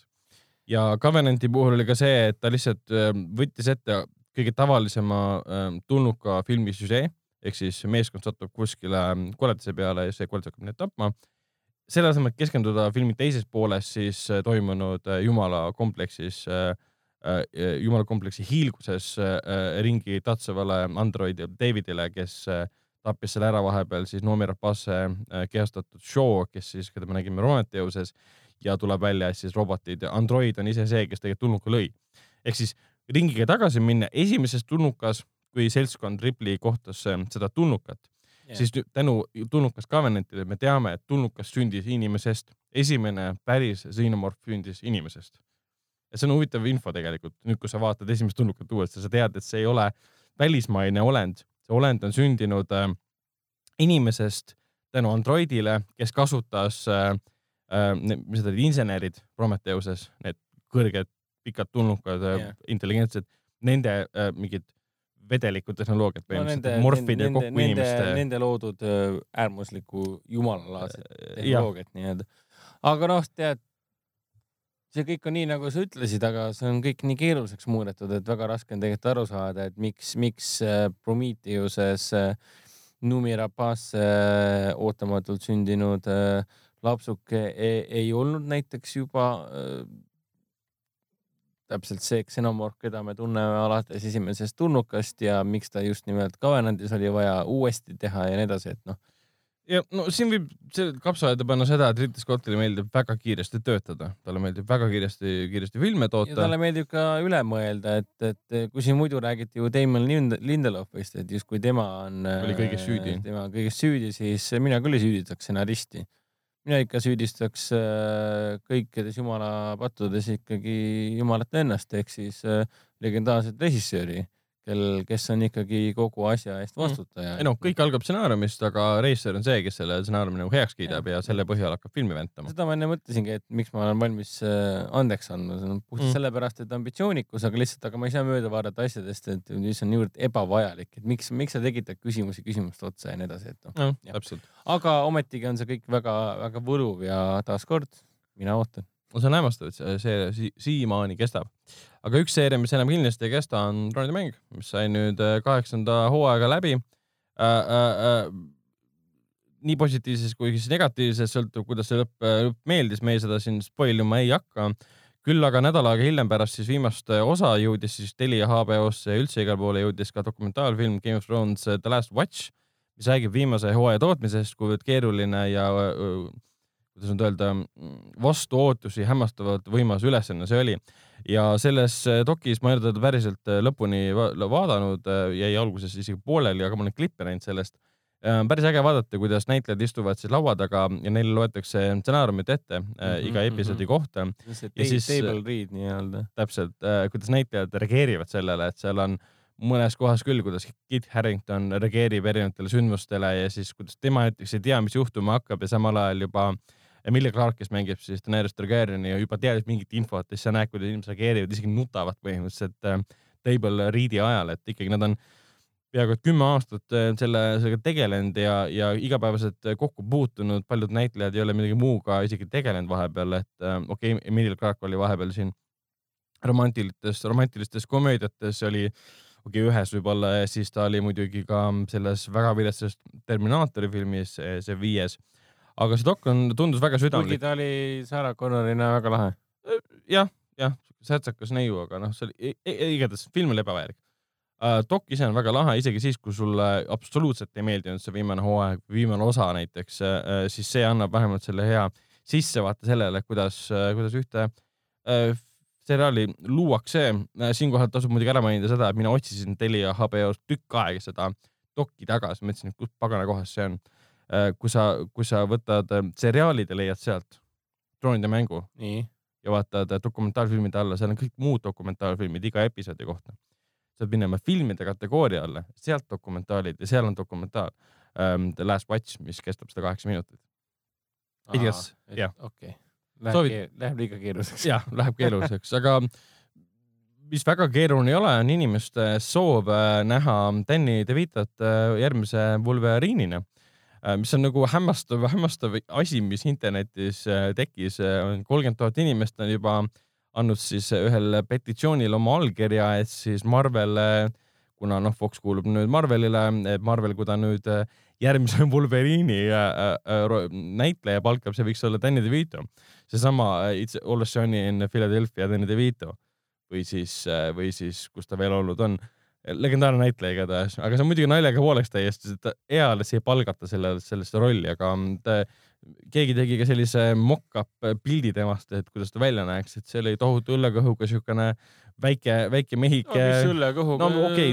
vanem, vanem härrasmees. vanem härra selles suhtes, aga minu meelest nali naljaks, aga ta, ta näeb väga lahe välja, et äh, mina vaataksin äh, küll seda nii-öelda äh, lõbusa, lõbusa komöödia versioonina äh, elu pärast äh, Wolverine'i ehk siis, ehk siis kuidas Logan elab oma elu, olles lihtsalt äh, üks tore Danny DeVito. tavaline, tavaline inimene. mis värk üldse Danny DeVitoga, viimati ju rääkisime Danny DeVitost ka ju äh,, oli Danny DeVito ju, kui me rääkisime Pikachust ja tema häält esialgu taheti kasutada siis Pikachu äh,, Pikachu rollis yeah. ja Pikachu siis äh, filmi üks animaatoritest, kes neid kontsertaate lõi, isegi jagas oma Twitteris või Instagramis pilte, mis ta esialgu lõi Danny DeVito alusel.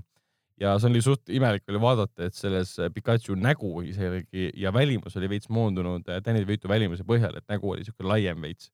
et see oli üsna kummaline see äh, võib jah natuke imelik olla. see on lahe, et Danny DeVitot tahetakse näha sellistes, sellistes rollides, et teda pole nagu unustatud, et jätkuvalt on suurepärane, suurepärane näitleja uh,. mis, mis meil veel viimaste uudistena, Star track uh, on näiteks saamas endale uue seriaali nimega Picard, Star track Picard ja seal muidugi Patrick Stewart mängib siis Jean-Luc Picardi uh,, tuleb tagasi Uh, viimane Star tracki seriaal, mis praegu jookseb, on siis Star track Discovery, see on äh, praegu Oled ka Netflixis. vaadanud ka seda? ainult esimest episoodi, küll ma olen kuulnud äh, headelt tuttavatelt väga-väga positiivset vastukaja sellele, et see on üks parimaid koos, ma ei tea siin, mis need parimad Star tracki seriaalid on, et mina olen Stargate'i fänn rohkem olnud ja rohkem Star Warsi kui Star tracki oma. kuigi mulle Abramsi, Abramsi seeria on meeldinud Abramsi ja ei, see Justin Linni oma samamoodi, et Abramsi asjad ja kõik need kolm uut Star tracki minu meelest üle prahi, üle, ülihead, siuksed mõnusad fantaasiarohked seiklusfilmid. täpselt. aga see Picard võib iseenesest päris põnev olla, siukene dramaatiline seriaal, vana hea produtsent Alex Kurtzman on selle loojaks ja ja huvitav on see, et ta nagu, mis kontseptsioon tal on, et ta leiab aset siis kahekümne neljandal sajandil tegevus on siis kakskümmend aastat pärast Star track Nemesise filmi tegevust mm -hmm. ja, ja filmi enda lugu on äh, seotud ka mm, Abramsi kahe tuhande üheksanda aasta äh, filmi sündmustest ehk siis äh, mis on omakorda kuidagi, kuidagi ma olen nagu segaduses tegelikult, et mis siis, kus, mida toimub mm. -hmm et äh, aga võimalik, et äh, see kõik on hästi lihtsasti selgitatav, et äh, et see eriti just märgit-, märgitakse ära see, et pärast Romuluse planeedi hävi, hävi, hävinemist, mis oligi Star tracki kahe tuhande üheksanda aasta filmi põhi, põhiteema, et Romu-, Romulanid ronisid välja, et maksta kätte oma planeedi hävitamise eest mm,. jah, oli küll. aga, aga ei, ma olen, I m, I m, I m fine with this kuule, aga ma saan aru, et mingi kurb uudis on ka vahepeal tulnud. jah, seekord lõpetame kurbade uudistega ähm,. film ähm, Lemmikloomade surnuaed, mis nüüd vahepeal, surnuaid, vabandust äh,, vahepeal kinodesse jõudis äh, Stephen Kingi romaanil põhinev õudusfilm äh,. seal oli üks kass nimega Church, keda ja. filmis äh, kehastas kokku siis tegelikult neli main, main coon äh, kassi äh,. enamjaolt mängis seda siis, kui oli vaja elusat varianti sellest kassist mängida, kass nimega Leo ja, ja siis äh, tuli nüüd info, et äh, see kass nimega Liio on meie hulgast äh, kahjuks lahkunud. ja väga kurb, kurb uudis, et ähm, selles mõttes, et ähm, ja et see on no veits veider ka, et meil on ju film nimega Lemmikloomade sõnuaed, milles reaalselt kass surebki ja ta tuleb tagasi. ja nüüd on seesama kass läinud manala teele kuigi ma vaatan, et. Äh, oi ei, liiot kasutati siis, kui see oli ebasurnu kass, täpselt. ja, ja ma tahtsingi just praegu täpsustada, tegelikult kasutati kokku nelja erinevat äh, Maine Coon'i kassi äh, selle ühe Churchi elluäratamisega No, ekraanil. mainisin just sama hästi kaks minutit aa, tagasi. okei, sorry, sorry. aga üks nendest neljast kassidest siis, kes eriti see, kes mängis siis, mängis siis ähm, ebasurnud äh, varianti, on meie hulgast lahkunud ja fännid väga kurvad, sest ta oli just üks meeldejäävamaid äh, osiseid sellest äh, filmist võib-olla üldse, kui, kui midagi. aga sellega said meie uudised nüüd täiesti läbi ja lähme edasi nädalavahetuse top kolme juurde. see on siis periood kahekümne neljandast maist kahekümne kuuenda maini alustame vaheldusest kolmandalt kohalt, kuhu jõudis siis Pokemon detektiiv Pikachu, mis ei ole ilmselt üldse üllatav, sest see on suurepärane film. Teisele kohale jõudis muidugi John Wick kolm äh, Parabellum, millest me ka eelmisel äh, nädalal, eelmises saates rääkisime. ja esimene koha muidugi vallutas äh, esimest nädalat kinos olev Aladdin, mis pole jällegi üllatav, sest film on suutnud nüüd nädalaga veits juba peale maailma kinodes tagasi teenida kakssada miljonit dollarit ja tal läheb väga hästi, see on oluliselt edukam film, kui oli Dumbo. aga olgem ausad, Aladdin oli animatsiooniga oluliselt populaarsem, eriti kuna seal on äh, vara lahkunud, vara lahkunud ähm, Robin Williams mängis, mängis Džinni, keda nüüd kehastab siis ähm, muidugi Will Smith. vot, aga lähme edasi filmide juurde. filmid, mida me oleme, filmid või seriaalid, mida me oleme vaadanud vahepeal kodus ja mina olen, vaatasin näiteks ära Amazon Video Prime'is ära kolm Indiana Jonesi. miks ma nüüd vaatama sattusin, oligi sellepärast, et ma kannatasin mõned äh, päevad tagasi eriti valusate jubedate seljavallude käes ja ma sain ainult vedeleda. väga liikuda ei saanud ja püsti tõusta ei saanud ja, ja ka kuna Amazon Video Prime'is on kõik kolm Indiana Jonesi olemas, siis ma vaatasin need ära, et ma olen varem neid muidugi näinud, selles mõttes, et siin noh, selles mõttes see vist on enam vist- kena kordusvaatamine. tõenäoliselt sa enam vist ei mäletagi, millal sa viimati. ei, on kogu aeg telekas jooksnud ja, ja neljandat osa ma ei viitsinud vaadata, sest see tundus lihtsalt igav ähm,, sest see mulle omal ajal ka väga ei meeldinud. küll aga ma vaatasin kummalise järjekorras teda, ma vaatasin kõigepealt teist osa ja siis kolmandat ja esimest.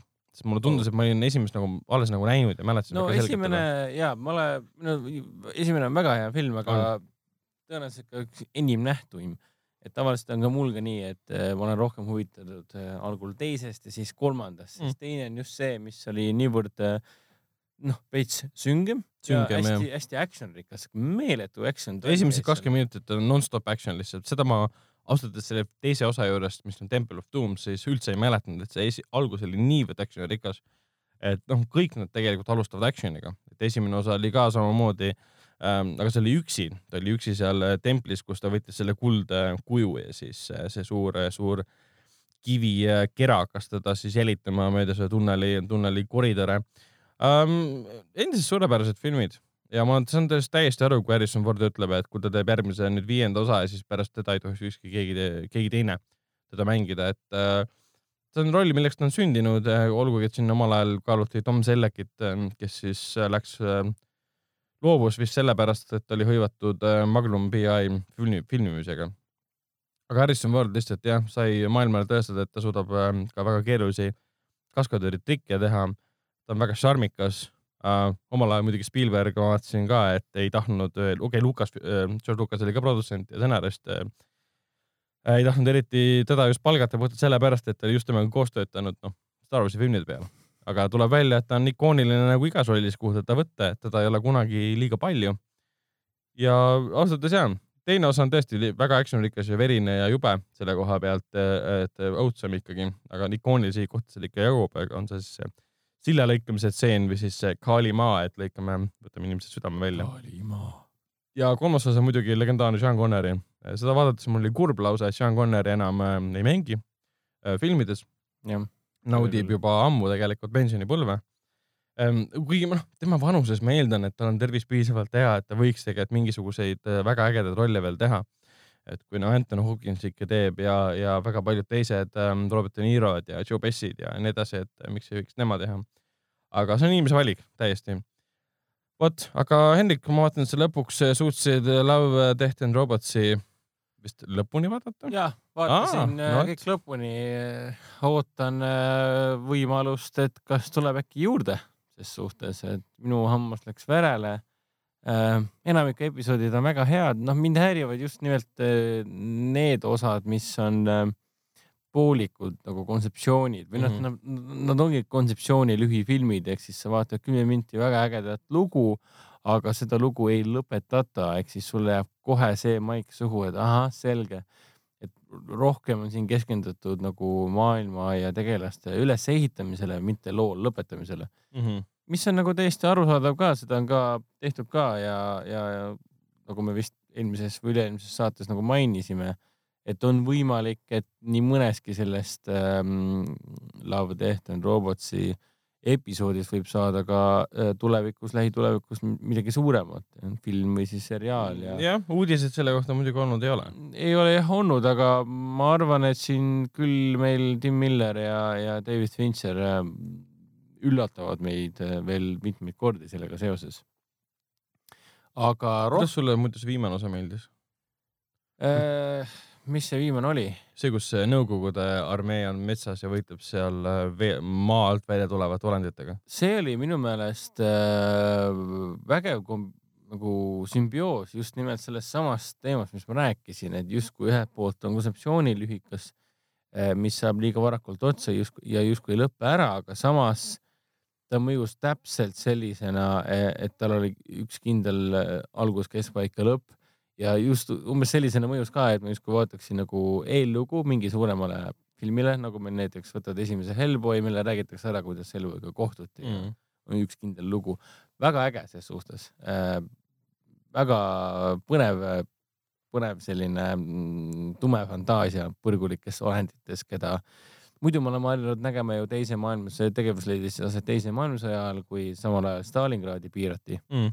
Ja muidu me oleme harjunud nägema ju Hitlerit ja tema Hellboys oli see tuuleorganisatsioon, kes tegeles siis. zombiarmees oleme harjunud nägema ja. ja et kõik, kõik, mis on seotud natsidega, siis nemad tegelesid siin okultismi ja üleloomulike võimetega ja nii edasi, olenditega ja, ja vägedega ja maagiaga, aga nüüd oli vahelduseks hea näha, kuidas siis Nõukogude armee püüdis leida viisi, kuidas sõja kulgu muuta mm., aga tulemus oli see, et see hammustas neid pepust nii-öelda aga tegelased olid väga ägedad, väga suur sümpaatia kõikide tegelaste pihta.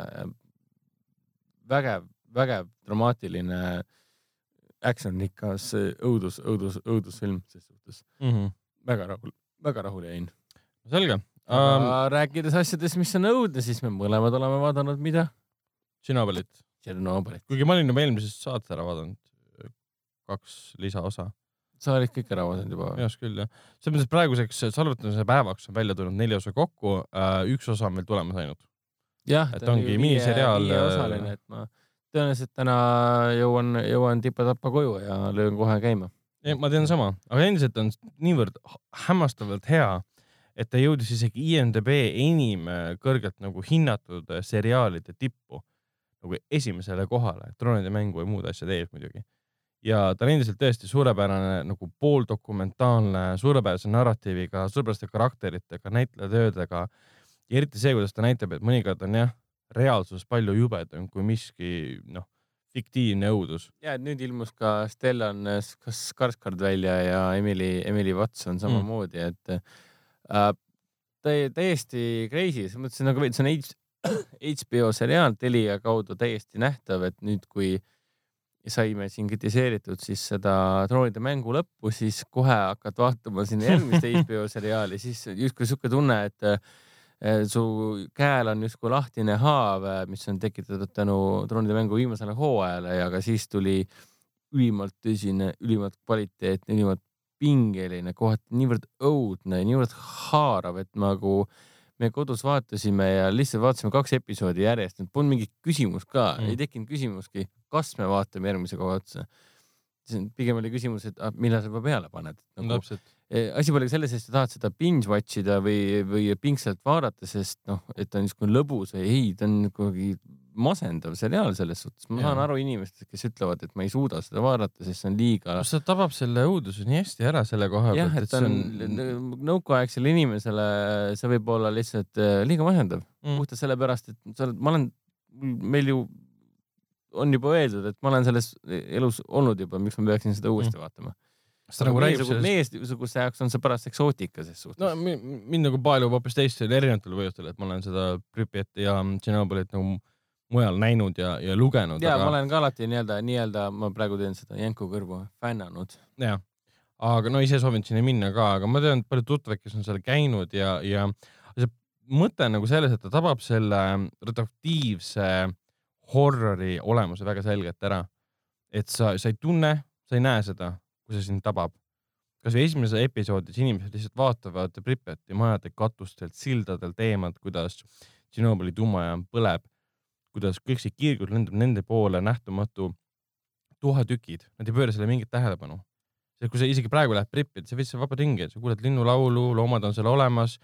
sa ei taju seda, sa ei tunne seda, aga kui sa võtad Kaigeri mõõduka välja, siis see põhimõtteliselt peaaegu et nagu plahvatab sinu käes, mitte sul praegu äh, teatud elementide juures küll, aga seriaal nagu näitab seda õudust täiesti suurepäraselt, seal üks äh, kolmanda osas, kolmandas osas oli suurepärane teises äh, tseen, kus nad saadavad sõdurid siis reaktori alla tunnelitesse vett välja laskma, et see sulav tuum materjal satuks kokku veega, muidu see seguneks ja põhimõtteliselt hävitaks ära Euroopa äh, veekogud, veekogude allikad ja seal oli ka see, kuidas need kolm meest lähevad siis sinna reaktori alla, kannavad kaitsekostüüme ja kohe põhimõtteliselt nende taskulambid lakkavad töötamast ja õudukana lavastatud. niisugune tunne, et kohe tuleb mingi koll või vaim ja siis Kaigri mõõdikud lähevad aina valjemaks ja valjemaks, valjemaks ja episood vist lõppes ka umbes niimoodi, et see tseen lõppes umbes niimoodi, et kõik on pime ainuke asi, mida yeah. sa kuuled, on nende tüüpide hingeldamised ja Kaigeri mõõdikute hullumeelseks nagu muutumine. ja kohe järgmises osas noh, justkui katkematult kohe mm -hmm. läks see lugu edasi ka. mulle kohati tuli muidugi Tšernobõlit vaadates tuleb kõik muidugi kõik need äh,, mis tuleb meelde, tuleb meelde äh, Andrei, oli Andrei Tarkovski, oli Andrei, eks? jah jah, ma ei tea, miks ma praegu mõtlema jäin, kas ta oli Andrei. Andrei Tarkovski Stalker ja Strugatskit äh, väljasõit rohelisse, rohelusse ja muidugi ka mm, ukrainlaste loodud videomäng äh, Stalker tuleb sellega meelde, mis on inspireeritud, Stalker on siis inspireeritud äh, Tšernobõli katastroofist Tarkovski Stalkerist ja muidugi Strugatskite raamatust. kogu mm. kontseptsioon ju seisnebki selles, et mis oleks saanud siis, kui oleks veel hullemini läinud, ehk siis äh, olekski enamik terve..., enamik Euroopast või Venemaast ja. olekski muutunud radioaktiivseks äh, kõnnumaaks nii-öelda. kõnnumaaks, kus suudavad ellu jääda ainult, ainult stalkerid ja, ja, ja kõik muu on sinu vastu ääretult vaenulik mm samamoodi tuleb meelde ka Stalkeri tegijate äh, need uuema aja äh, seeriamängud ehk siis äh, Metro, Metro seeria. no seal näitakse ikka väga karmilt seda, seal yeah. ei, ei ta seostunud muidugi Tšernobõli tuumajaamaga. seda küll, aga, aga, aga postapokalüptiline tulevik pärast mm. tuuma, tuumakatastroofi, noh, see kõik on ju sama teema, mulle see mm mulle see nii-öelda vene, vene loojate nägemus äh,, fiktiivne nägemus tulevikust tegelikult väga meeldib, et stalkerid ja metrood ja Dmitri Gluhovski ja kõik see, et mm. see on väga-väga vinge, et nii palju, nii palju mõtteid tekitab Tšernobõl minus. täpselt, kuigi Tšernobõli seriaalis jah, vene näitlejad ei kasutata, aga sellist muljet, äh, niisugune tunne on nagu ole, nad räägiksid vene keeles, sest need näod on nii täpselt valitud filmi kunstiline tase on niivõrd, äh, seriaali kunstiline tase on täpselt nii välja joonistatud, et sa lausa tunned selle, selle nõuka äh, äh, korteri äh, tapeedi lõhna ja kui sa vaatad neid tegelasi omavahel suhtlemas, sul tunne nagu räägiks vene keeles, sul ei teki tunnet, et sa vaatad ähm, brittide või ameeriklaste loodud seriaali Venemaal. jah, täpselt. ta loob selle, paneb sind uskuma seda fiktsiooni et noh, mida me näeme, me näeme ikkagi siin ju Briti ja Rootsi ja üldse üle kogu maailma erinevaid näitlejaid, eh, kes eh, räägivad aktse-, või nad, need, nad ei räägi otseselt isegi aktsendiga tegelikult.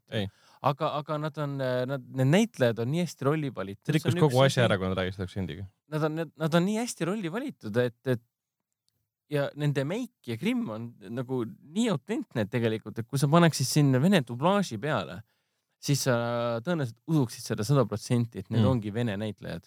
et kohati tekibki sihuke tunne, et ma vaatan vene näitlejaid rääkimas inglise keeles. et see on lihtsalt nii usutav. et eh, minu meelest see tuletõrjuja naine, ma ei tea, kes see näitleja peast nüüd on, mulle ta väga meenutab Margarita Levievat, kes on ka vist minu meelest eh, ka üks näitleja, Margarita Levieva mm, kes on ka minu meelest Ukrainast pärit mm,. midagi taolist jah. ja ta on, ja ta on nii venelanna näoga tegelikult, sa kaugelt näed ära ja nii kõik tegelased, isegi see troonide mängu see vanamees, kes siin ähm, alguses äh, esimestes osades siin lõi oma kepiga vastu maad, ütles, et oh, pange nüüd Tšernobõl kinni, pange Pripjat. seal on üks äh, troonide mängu näitleja veel. ja üks oli veel, kes ta nüüd mängis, oli? Mormonti mängis. jaa, Mormonti näitleja. vana Mormonti seal ähm, müüril jaa. ta oli üks kaevuritest. räägime söekaevuritest. issand, kui haiged, nii ägedad tüübid lihtsalt. see Nõukogude söekaevurid, see tseen, kus esmakordselt see ametnik tuleb ja tahab neilt midagi see oli umbes niimoodi, et andis mõista, et see on meie maa meie oleme siin juhid, me lubame teil siin olla sellepärast, mind ei huvita, et te olete riigi esindajad. nii, nii, nii badass tegelikult. ta on nii ülbed ja nii selge äh, jutuga ka ja sest kuna see ühel hetkel nagu eriti nüüd neljas ja viies puudutavad seda likvideerimist ja kõike seda, neil on vaja rahvast, kes seda teeks mm. -hmm. ja kuidas sa võtad need inimesed, sa ütled neile ette ära võib-olla siis, kui sa võtad, okei okay,, söekaevurid, juht hakkab kohe küsima, et kas meil on ohtlik siin olla või mitte siis põhimõtteliselt Jared Harrise tegelaskuju ei suuda neile valetada, ütleb otse välja põhimõtteliselt. aga Skarsgardi tegelane ütleb kohe, et need on söekaevurid, nad on siin kolmkümmend aastat, see üks söekaevuritest juht ütleb, ütleb ka seda, nad on siin kolmkümmend aastat sütt äh, Äh, kogu seda tööstusjääki endale sisse hinganud, et äh, neile ei saa valetada, sa pead neile kõik välja ütlema. ja, ja, ja, ja minu arust see karakter, kes on siis selle söögavõrrute juht ja üldse nende olemus, kuidas nad välja toodud seal, see on nagu peegeldab seda, et ähm, no bullshit tüübid. Yeah.. et me näeme süsteemist läbi, me saame aru, et me oleme teie jaoks ainult liha põhimõtteliselt äh,, kahurileha, et aga me teeme seda sellepärast, et miljonid inimesed ei kannataks, et kannataksid tuhanded mitte kümned, kümned miljonid üle kogu, üle kogu Euroopa. ja see seriaal teeb väga hästi minu arust selgeks ka isegi külmavärinad tekitavad selgeks selle, et see asi oli täpselt niidi otsa peal või nõela peal, et oleks asi väga palju hullemaks muutunud. ja kõik oli nagu aja küsimus nii-öelda. täpselt uh,. jah, Tšernobõliga räägime eelmisel, eelmises saates kindlasti veel, sest me oleme siis ära vaadanud neljanda ja viienda episoodi nüüd räägime filmidest, mis eelmisel nädalal kinodes alustasid, nende hulgas on näiteks Brightburn, ähm, Aladin, äh, Tantsi kuni jaksad ja Võlupeegel. Äh, me vaatasime nendest ära Aladini ja Brightburni, aga kuna me salvestame saadet neljapäeval, siis me oleme juba ära näinud ka sel nädalal alustava Godzilla kahe koletiste kuniga. räägi mulle veits Aladinist, mina ei ole teda näinud, aga sa võid mõne sõnaga mainida, mis tunde jättis film, mis on teeninud üle kahesaja miljoni dollari Aladdin on siis jah, järjekordne Disney filmi versioon animeeritud, animeeritud lugudest äh,. filmi režissööriks on muidugi ei keegi muu kui äh, legendaarne, võib isegi öelda äh,, Guy Ritchie, keda me viimati siin nägime mulle, meile väga meeldinud äh, Charlie Hunnami filmiga. Charlie Hunnam ja Jude Law isegi äh,, Erik Paanaga oli meil siis kuningas Artur Mõõga legend äh, King Arthur lege-, legend, Legend, of the Sword, legend, legend äh,. film muidugi täiega, täiega kukkus läbi kogu, üle kogu maailma. meile jällegi väga meeldis, meie peame seda kuningas Arturi filmi tegelikult väga-väga julgeks ja väga Guy Ritchie-likuks isegi. aga mis, mis ei ole üldse Guy Ritchie-lik minu meelest on Aladin, siin alguses filmi esimeses pooles võib nagu tikutulega leida äh, mingeid elemente, mis meenutab Guy Ritchie stiili et aga sellist äh, kuningas Arturlikku või Sherlock äh,. Holmesilikku. Sherlock Holmesilikku lähenemist üldse ei ole. et ausalt öeldes, kui ma, kui ma ei teaks, et selle filmi Aladini lavastaja on Guy Ritchie ja ma läheksin filmi vaatama ja pärast saaksin selle teada, siis ma oleksin segaduses. ta pigem mõjub sellise klassikalise fantaasia rikka muinasloona kui Guy Ritchie filmina jah, et äh, ega film ei ole üldse paha, ta on märgatavalt etem kui äh, Dumbo äh,. Dumbo lavastajaks oli taaskord legendaarne režissöör Tim Burton mm., aga seal oli Tim Burtonit nagu kõvasti rohkem tunda, aga samas oli näha ja tunda, et Tim Burtonil siin väga, seal Dumbos nagu väga palju teha ei olnud. ja Dumbo oli üllatavalt, nagu siiralt isegi, üllatavalt kahvatu film, et ta mõjus äh, pigem sellise, tal oli mingi tootemaik oli juures, et justkui oli vaja film teha ja meil on kõik äh, ekstravagantsed, äh, kõrgehinnalised, kõrges hinnas vahendid olemas, et teeme siis filmi ära. kuidagi emotsioonitu, juba esimese kahekümne, kolmekümne minuti jooksul oli selge, et milline see film olema hakkab. Aladin õnneks seda üldse ei ole, Aladin on väga lõbus äh,. ta on väga laulurohke, laulud kõik töötavad mm, -hmm. näitlejad laulavad kõik väga hästi, ta on visuaalses mõttes nii, nii öised stseenid kui ka päevased stseenid on ta väga-väga ilus, et 3D-s vaatasin seda, vaatasin Plaza, Coca-Cola Plaza Iceland saalis. Äh, ja tõesti erakordselt kaunis näeb see kõik välja, see on nagu totaalne silmakomm ja ta on väga lastesõbralik selles suhtes, et võtke lapsed kõik kinno ja minge vaatama, ta on ju meil äh, MS6 ka veel mm -hmm. ehk siis teisisõnu väga-väga lastesõbralik ja ta on väga seikluslik, ta on väga hoogne. Will Smith sinise džinnina on ootamatult lõbus ja niisugune sümpaatne, olgugi et enne kui film kinodesse jõudis ja esimesed treilerid saabusid, siis heideti justkui filmile ette, et kuule, mis värk on, kas teil on ka mingi soonik siin või? et noh. Noh, see päris nii ei olnud jah, pigem oli kuigi... see, et inimeste jaoks oli ta ootamatu, et see Will Smith no, on un... jäetud Will Smithiks. Uncanny atrocity hakati juba nimetama, aga film tuli välja ja tegelikult äh, kriitikud jäid ju filmiga enam-vähem rahule ja, ja mina olen täpselt sama meelt, et minu jaoks ei ole alati äh, ei midagi erilist, ei midagi maailma muutuvat, aga kui ma, mina oleksin praegu Äh, kuue kuni kaheteistkümne aastane, siis äh, ma oleksin selle filmi suurim fänn selles suhtes, et ta on väga ilus ja väga värviline ja ta on ka väga tänapäevane, et võttes kasutusele tänapäevaseid äh, mõttemalle, et kus, kus, et lugu ju ikkagi on ei millestki muust kui klassidevahelisest nii-öelda võitlusest ja mehe ja naise mm, positsioonide võitlusest siukestes traditsioonilistes ühiskondades ja Äh, et film annab mõista, et nüüd on aeg, äh, enam ei ole mõtet äh, istuda nii-öelda minevikus, rääkida mineviku lugusid, vaid lihtsalt tõlgendada asju ümber ka tänapäevaseks, mis oli ka väga loogiline.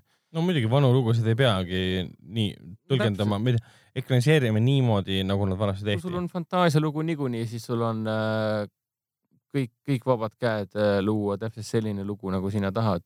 Aladinis töötab väga hästi äh, Aladini näitleja minu meelest on väga sümpaatne, aga mulle isiklikult äh, meeldis kõvasti rohkem Naomi Scott, kes mängib siis printsess Jasmine'i mm..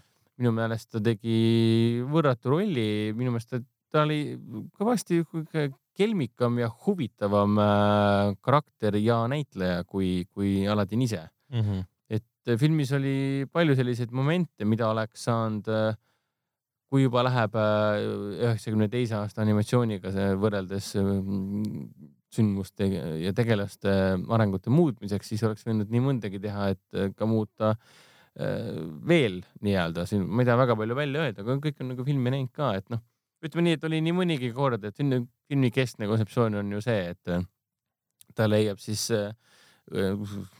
võlulambi. kokkusattumuste äh, järel äh, ahelas leiab siis võlulambi ja saab endale Will Smithi ehk siis džinni ja tema esimene soov äh, ongi siis saada ähm, printsiks. printsiks, täpselt nii.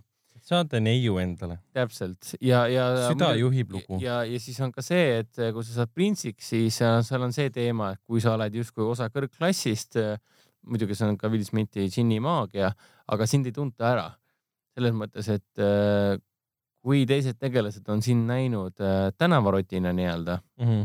varga, vargapoisid, sind ei tunda enam ära, kui sa oled äh, printsina. ehk siis siin, siin kasutab.... see on maagia pärast siis? see on okay, maagia pärast okay,, okay. aga samas on ka see kõnetab seda, seda teemat ka, et võtad kodutu mehe mm, -hmm kammid juuksed ja habeme ära ja paned väga fancy riided selga ja kas sa tunned tänaval sama inimese ära?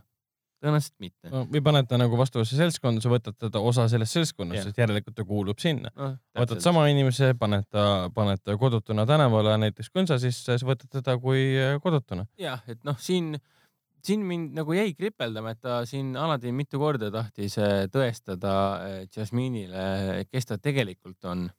Jasmine'ile kes ta tegelikult on, et ta on seesama Aladini poiss, kellesse Jasmine alguses armus, aga, aga ma nägin nagu mitmeid versioone, mida ta oleks saanud teha võrreldes sellega, mida ta tegelikult tegi mm. -hmm. aga sellest sõltumata ma kiidan filmi, kiidan filmi ses suhtes.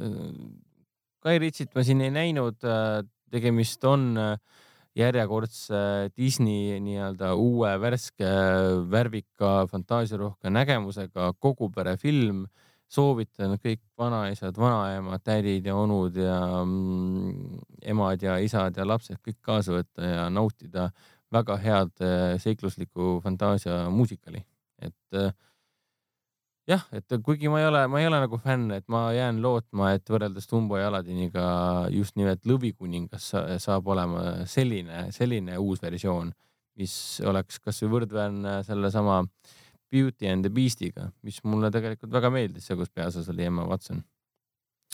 jah, aga kas sulle meeldis ka Brightburn, mida olen mina ka näinud äh, Äh, võib-olla vastan hoopis esimesena sellele küsimusele. jaa, ma arvan küll. ta oli äh,. meeldis küll muidugi jaa. jah, mis on Brightburn? Brightburn on superkangelase film ta on superkangelase film, nii nagu seda on Superman või, või siis Man of Steel. Vähemalt need filmid, kus me näeme Supermani sündi, kuidas ta elas äh, oma Kentide perekonna juures siis äh, maal äh, no, farmis me, ja nii edasi. seda lugu kõike teame, et see on see nature kukkus... versus nurture, nurture. täpselt, et kukub. vahet pole, kus see päritolest sind kasvatatakse üles. et äh, Superman kukub äh, äh meteoriidiga alla äh,, äh, lastetud vanemad, kelle, kes on üritanud lapsi saada, aga neil ei ole õnnestunud, leiavad ta ja hakkavad teda kasvatama ja temast saab tubli äh, äh, moraali tajuga ja, ja patriootlik ja, ja inimlik äh, kangelane, kes on valmis süütut kaitsma. Brightburn räägib põhimõtteliselt sellest samast asjast, välja arvatud see, et temast ei saa hästi inimlik inimene, süütute kaitsja, vaid hoopis süütute tapja, mõrvar ja kõike seda olles väike poiss yeah,. ja see film äh, põhimõtteliselt ongi nagu antitees äh, siis äh, Supermani äh, nagu sünnilugudele et. olles äh, samal ajal ka tegelikult väga hardcore horror film. ta algab jah, täpselt nagu klassikaline Supermani või superkangelase sünnilugu ja siis ta muutub nagu hardcore õudusfilmiks yeah.. ja see tõesti nagu pole lastele soovitatud absoluutselt, sest mõned äh, võikad äh, tapmisstseenid on kohati nii võikad, et. isegi meie olime üllatunud. ja isegi mina olin üllatunud, aa, selline võigas veretöö on sellises filmis. ma ei oodanud seda, ma naersin südames seda vaadates, sest see see tuli nii ootamatult ja nii, nii, nii, nii veider oli seda näha, et eh, noh, loomulikult sa õudukatesse ikka reageerid ju naeruga, et ennast rahustada. naeruga või lihtsalt see on see, kohati need eh, surmad või sellised eh, rõvedad kohad olid lihtsalt nii naeruväärsed, et ma tahtsin nagu naerma, naerma hakata lihtsalt. aga film ise on tegelikult äh,, esimene pool on liiga aeglane ja ma tean, et selle põhjuseks veits on see, et me kindlasti seda ei spoilerda äh,, lõppu ka välja ei räägi aga nii palju võime öelda, et see film on loodud osana suuremast universumist äh,. nii nagu MCU, äh, Marveli kinouniversum, nii kui DCU ehk siis DC kangeliste universum ja nii edasi, et ta on loodud sellise filmina, mis paneb aluse paljudele teistele, et seal vihjatakse ka teistele kangelastele või noh, antikangelastele, kuna see lugu siis räägib nagu Dark Universe'ist, räägibki halbadest äh, inimestest, kuskilt saabunud inimestest, kes inimeste hulgas elanud ja kellest saavad siis mõrvalikud tüübid, kellel on äh, üli, üliinimlikud võimed. jah, ja mulle tundub, et see, et ta üritas olla nagu peaaegu et veits nagu kramplikult osa suuremast universumist, ta lugu jäi lonkama. Äh, ma ei uskunud selle karakteri, selle poisi, kes alg-, filmi alguses on meeldiv teismeline, elab oma vanematega väga hästi läbi et kuidas ta järsku muutub, seal küll põhjendati ära, ma ei hakka ütlema, mis see on, põhjendati ära, miks ta muutus halvaks, aga ma ei uskunud seda lihtsalt ja filmi lõpp jäi ka kuidagi poolikuks, aga noh, ma saan aru, miks see juhtus, sest seda nähti osana suuremast narratiivist ja see on üks peatükk sellest ja mulle tundus lihtsalt tänu sellele veits filmi enda terviklikkus kannatas. küll aga, mis puudutab seda, et meil on lugu sellest, et Superman muutub halvaks, selle koha pealt ta täitis kõik minu ootused. ta oli verine, ta oli võigas, ta oli action'it täis, aga kuigi jah, siin peab päris kaua võtab aega ja kui, kuna see karakteriarendus pole nagu väga-väga huvitav siis esimene pool nagu selle koha pealt venib. ja et kui sa oled nagu nõudlik äh,, nõudlik õudusfilmisõber äh,, nõudlik filmisõber, siis äh, need puudujäägid jäävad sind vaevama, nagu praegu Ragnar äh, kirjeldas, et noh, et esiteks sa kipud mitte uskuma peategelase äh, arengut, progressi, tema karak-, karakterit üldse. et noh, see on nagu niivõrd fundamentaalselt esimene ja kõige tähtsam osa äh, filmist ja kui see nagu on nõrk, siis muutub ka ülejäänud film nõrgaks. aga kui sa tahad näha äh, verist ja äh, stiilset ja selline, kuidas seda nüüd öelda, kuratlikult nii-öelda mm, kuratliku huumoriga loodud anti-superkangelase filmi, siis see film on sulle. ja kui sa tahad näha head õudusfilmi, siis see film on sulle ja kui sa tahad näha vastust küsimusele, mis siis oleks, kui Superman on äh, düstopialik maniak, siis see film on sulle. Sellel tasandil töötab ta väga hästi. ta on äh, mõnusalt, mõnusalt creepy, ta on mõnusalt äh, isegi naljakas. ta on äh, väga vingelt verine äh,, mis on nagu veider asi, mida välja öelda, aga, aga ta on, ta mõjub nii ootamatult mõnikord, et äh, võiks öelda, et ma hea meelega vaataks kunagi ka järjelugusid, et näha, kuhu see asi edasi jõuab. Äh, ometigi kogu lugu ju ikkagi põhineb sellele, et ähm, valesti mõistetud noormees hakkab jõudma oma äh, varateismelise staatusesse mm -hmm, ja mm -hmm. erinevalt siis äh, tavalapsest, tavapoistlapsest hakkab tema äh, kogema hoopis teistsuguseid nii-öelda ähm, füüsilisi ähm, teismelise muudat-, muutusi no, tema kehas, alates häältest tema peas kuni lõpetades ootamatu, ootamatute, ootamatu kihuga ähm, näidata välja oma vägivallapurskaid inimeste peal, kes on talle ebameeldivad yeah.. kui tavaline väike poiss ei, ei, ei suuda autosid õhku tõsta või, või. Äh, kui muidu laps junnib, siis tema, tema tuleb ja tapab su ära. jah, sest ta, on, ta teeb seda väga teatraalselt ja, ja võikalt. ja võib lennata kosmosesse näiteks ja väga kõrgele ja nii edasi. et selles mõttes on lahe idee ja nagu sa ütlesid ka praegu, et on kokku mõeldud sellega, et sul on teismeline kes äh, on, kelle keha on läbimas arenguid, aga kuna ta on samal ajal siis, äh, siis äh, kuskilt mujalt saabunud olend, kes on siis inimesena üles kasvatatud ja kellel samal ajal tärkavad ka siis võimed ja kuna miski ütleb talle, et sa pead olema nagu kuri, see maailm on põhimõtteliselt sinu, sinu hävitada, siis nagu seda, seda, seda arengut nagu huvitav, huvitav jälgida, olgugi et ma lõpuni välja seda ei uskunud um,. kombo on hea ja õudusfilmina selle koha pealt, et ähm, ka superkangelane võib olla väga äge õuduka, õuduka nagu element äh,. seda võiks rohkem teha, seda on tehtud tegelikult, aga superkangelase horror äh, žanrina ei ole nagu uus asi.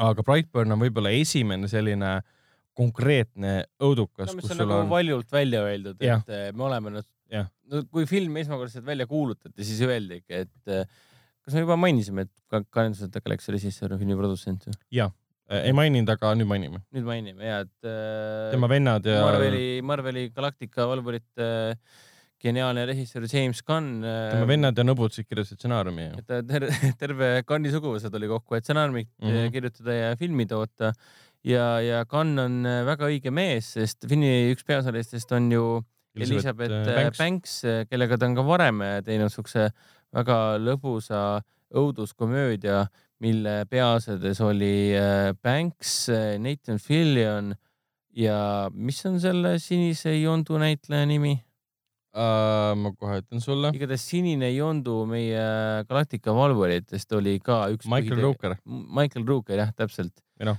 uh,, Walking Dead ka. jah, täpselt, et, et mida ma tahan öelda, on see, et James Gunnil on tema minevik, ta on ju loo, mis oli Atomic Avenger või? Toxic Avenger. Toxic, Toxic Avenger. tema ei ole seda teinud äh,, lavastanud? ja ei, seda küll, aga ta oli minu meelest üks, üks äh, kuulus sellesse samasse stuudiosse. Trooma jah ja, ja, ja. Trooma on see stuudio, mille, mille heaks ta töötas äh, ja, ja tema on väga palju kogemusi sellise väga kämpi äh, väga crazy'de filmidega. no Slither, mida ta kunagi lavastas äh, siis äh, Banksiga, seal samamoodi tuli kuskilt äh, taevast või kosmosest tuli mingisugused pisikesed olendid, kes võtsid inimesi üle. ja samamoodi ta tegi ka kunagi superkangelase filmi nimega Super, kus siis äh, The Office'ist, USA Office'ist pärit äh, Rain Wilson kehastus selliseks äh, peaaegu et vaimse puudega mm, tüübiks, kes pani endale kostüümi selga ja läks tänavale, et ma olen nüüd süütute kaitsja, mis tegelikult lõppes sellega, et ta lihtsalt kandis haamreid kaasas ja peksis süütuid inimesi. dementne nagu, hull nagu inimene selles mõttes. No. ja seal mängis Ellen Page ka, kes äh,, see, ta oli huvitav saatus seal, ütleme nii. ja, um, ja Brightburn on selle koha pealt sama lahe, crazy film, kuigi ta mõnes mõttes võtab ennast väga tõsiselt ja mõnes mõttes lugu lonkab, sest ta üritab olla midagi suuremat, äh, kuigi oleks võinud keskenduda ikkagi olemasolevale loole. ja et päeva lõpuks ta ei ole seda, mida ta välja, ta ei ole sada protsenti seda, mis välja kuulutati, sest ta ta jääb lihtsalt äh, liiga selliseks äh,, ei ole nagu liha ega kala, ta ei suuda, kohati ta ei suuda otsustada, kas ta on mm. lihtsalt horror-film või ta püüab olla ka psühholoogiline triller äh, lapse mu muutumisest, moondumisest. et äh, mul on veits kahju, et ta selliseks filmiks osutus, et ta nagu ei vii lõpuni välja seda väga põnevat kontseptsiooni, aga samas ma olen rahul sellega, et siin on selles filmis on siuke parajat ülbust, parajat siukest horror lembest eh,, horror lembest ülbust eh, just sel teemal, et eh, teeme, teeme, näitame Marvelile, et eh, mis tegelikult värk on, mille, et põhimõtteliselt ka isegi filmi lõpus antakse mõista, et eh, meil on nüüd olemas, me tegime sünge Dark Universe'i, me tegime sünge universumi esimesena, et vaadake ise, kuidas te hakkama saate. Mulle selline ülbus meeldib, selles filmis on väga palju sellist toredat, totrat ja samas ka väga mõjusat ülbust, mis puudutab üldse tänapäeva õudusfilme ja superkangelasfilme, nii et soovit-, soovitan taaskord. jah, selles mõttes järgisid selliseid samasse universumisse kuuluvaid filme, mis puudutavad seda Äh, Brandoni tegelaskuju ka ma hea meelega vaataks. Äh, võib-olla lahe fakt on ka see, et selles filmis mängib siis äh, pereisa David Denman, ähm, kes muidugi on The Office'ist tuntud kui Bammi, Bammi vähemalt esimestes hooaegades oli, mängis tema siis boyfriend'i, poissõppa Royd. ühel hetkel nad läksid muidugi lahku. et vend, Hendrik ei tundnud teda alguses ära, kuna tal oli päris jube selline juurakas habe ees, aga muidu jaa, silmade järgi tunneb kohe ära Äh, väga sümpaatne härrasmees. A.... ma mainiks veel Brightburni suhtes seda ka, et äh, tänu Brightburnile me saime teada, et on olemas selline noor äh, lauljatar, kes Billy, kelle nimi on Billy Eilish.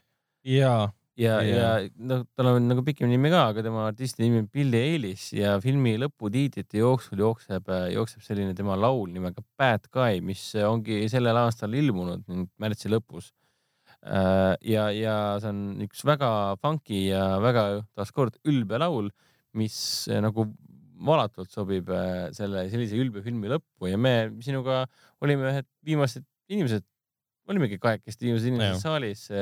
muidugi me vaatasime kakskümmend kaks, kakskümmend sentsi ka, et noh, see oli mm., see oli päris hiline sents, aga mõnu, päris mõnusalt sai seal saalis istutud ja irvitatud selle laulu üle et noh, taaskord selline režissöör annab mõista, et äh, ma olen, ma teen oma asja, ma olen, ma nüüd ülbitsen kõigiga, kes minu ümber on, et mulle see stiil väga meeldib tegelikult. Äh, Billy Eilish on äh, äge, vähemalt see üks lugu on äge, rohkem temast väga palju ei, ei tea.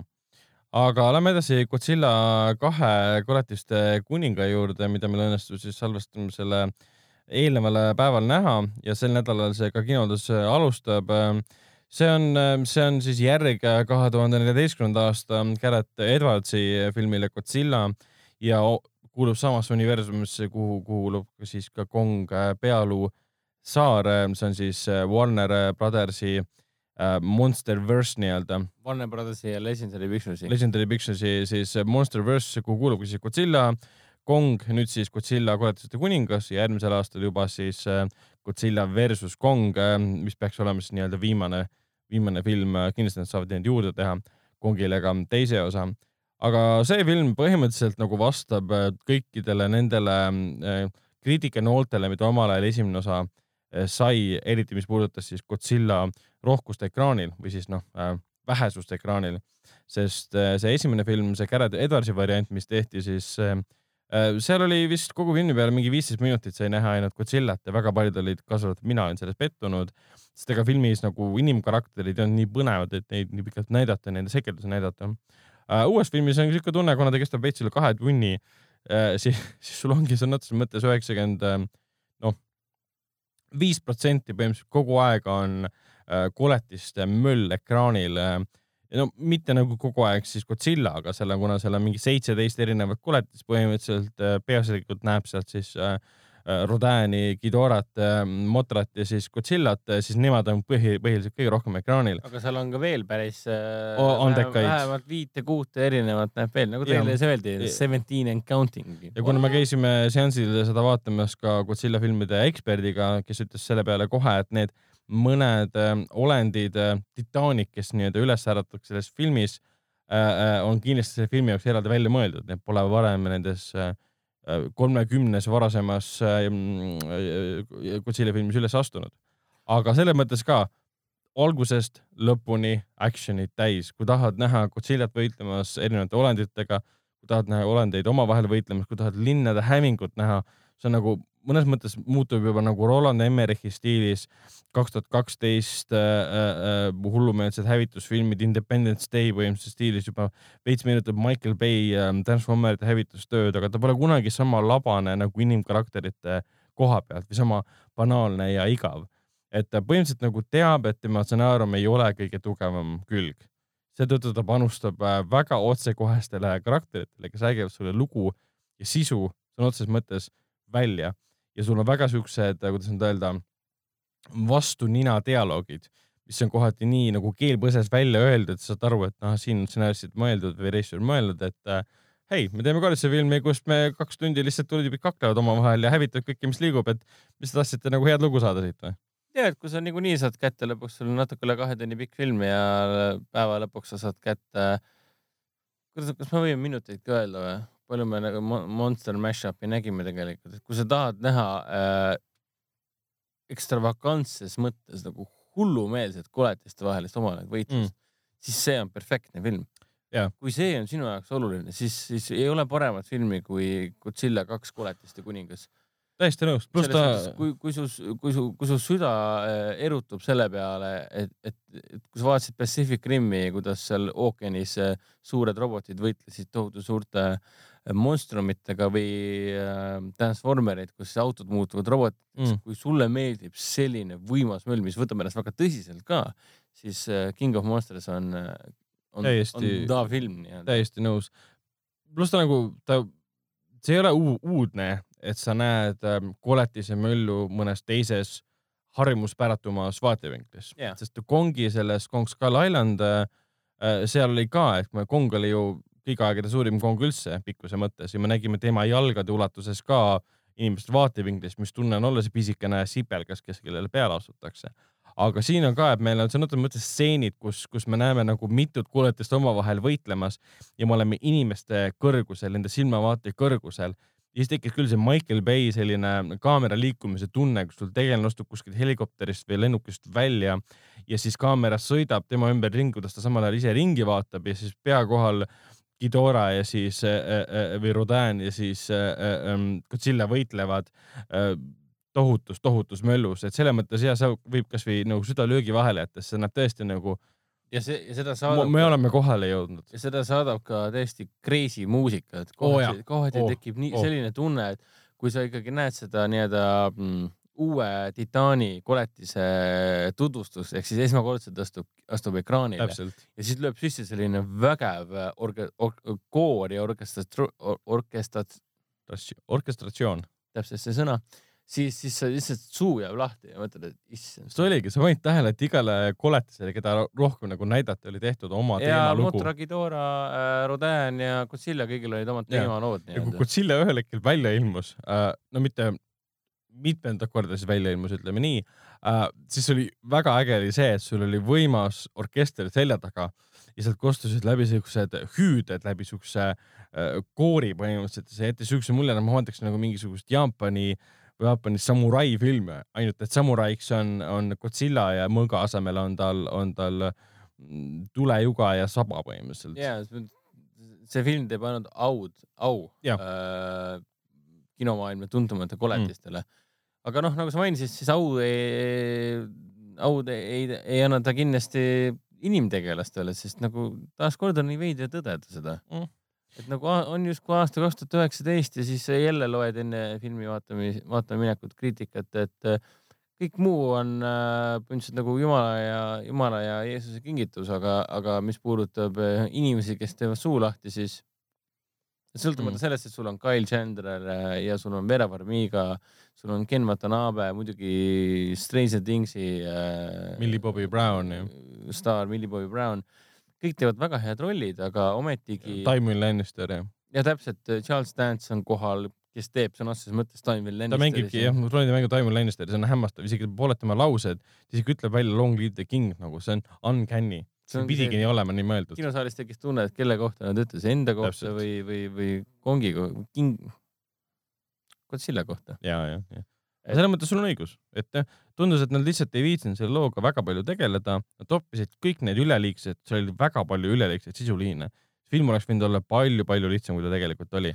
jah, et aga samas mulle väga meeldis just see ideoloogiline kontseptsioon, mis nad olid siia filmi sisse jah kirjutanud., see taustalugu, mis puudutab üldine, üldine idee täpselt. kust titaanid pärit on, mis on nende funktsioon planeet Maal, kes on, kes on, kes on head ja kes on halvad, kes on vaenlased ja kes on planeet Maa pooldajad, et mismoodi on nendega käitud läbi, läbi, läbi, läbi ajaloo, kuidas inimesed tänapäeval reageerivad titaanide olemasolule, kuidas erinevad militaristlikud äh, tohutu suurde, suure haardega organisatsioonid ja. reageerivad titaanide olemasolule kuidas nemad muutuvad järsku, hakkavad osa võtma ideoloogilisest võitlusest nii-öelda planeet Maa eest mm. ja, ja minu meelest see teatav twist, ma ei hakka seda ära reetma, mis see, mis see pööre on, see sisuline pööre tuleb väga kiiresti, see nagu panebki selle loo kohe käima, mulle see iseenesest väga meeldis. ja muidu see lugu sisu oleks väga tihe palju oli. longanud alguses. muidu oleks ta lihtsalt olnud see, et äh, klassikaline, et äh, on kuskil, igas filmis on see, et on kuskil mingi asi, mis tuleb leida, et need pahad ei saaks seda kasutada. ja keegi istub arvuti taga,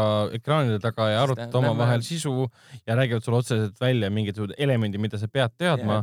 kuigi filmi lõpus oli mul siuke tunne, et kui keegi midagi jälle ütles et lähme nüüd tegema, mul oli see, et aga ma isegi ei ürita enam järge pidada, mida te teha tahate, ma tahan lõp- lihtsalt näha seda lõpuks sul oli action'it. nagu ükskõik, et isegi kõige dramaatilised, dramaatilisemad ja emotsionaalsemad hetked filmi lõpus. ma sain aru, et miks midagi tehakse, aga, aga ma ei hoolinud selles suhtes Mm.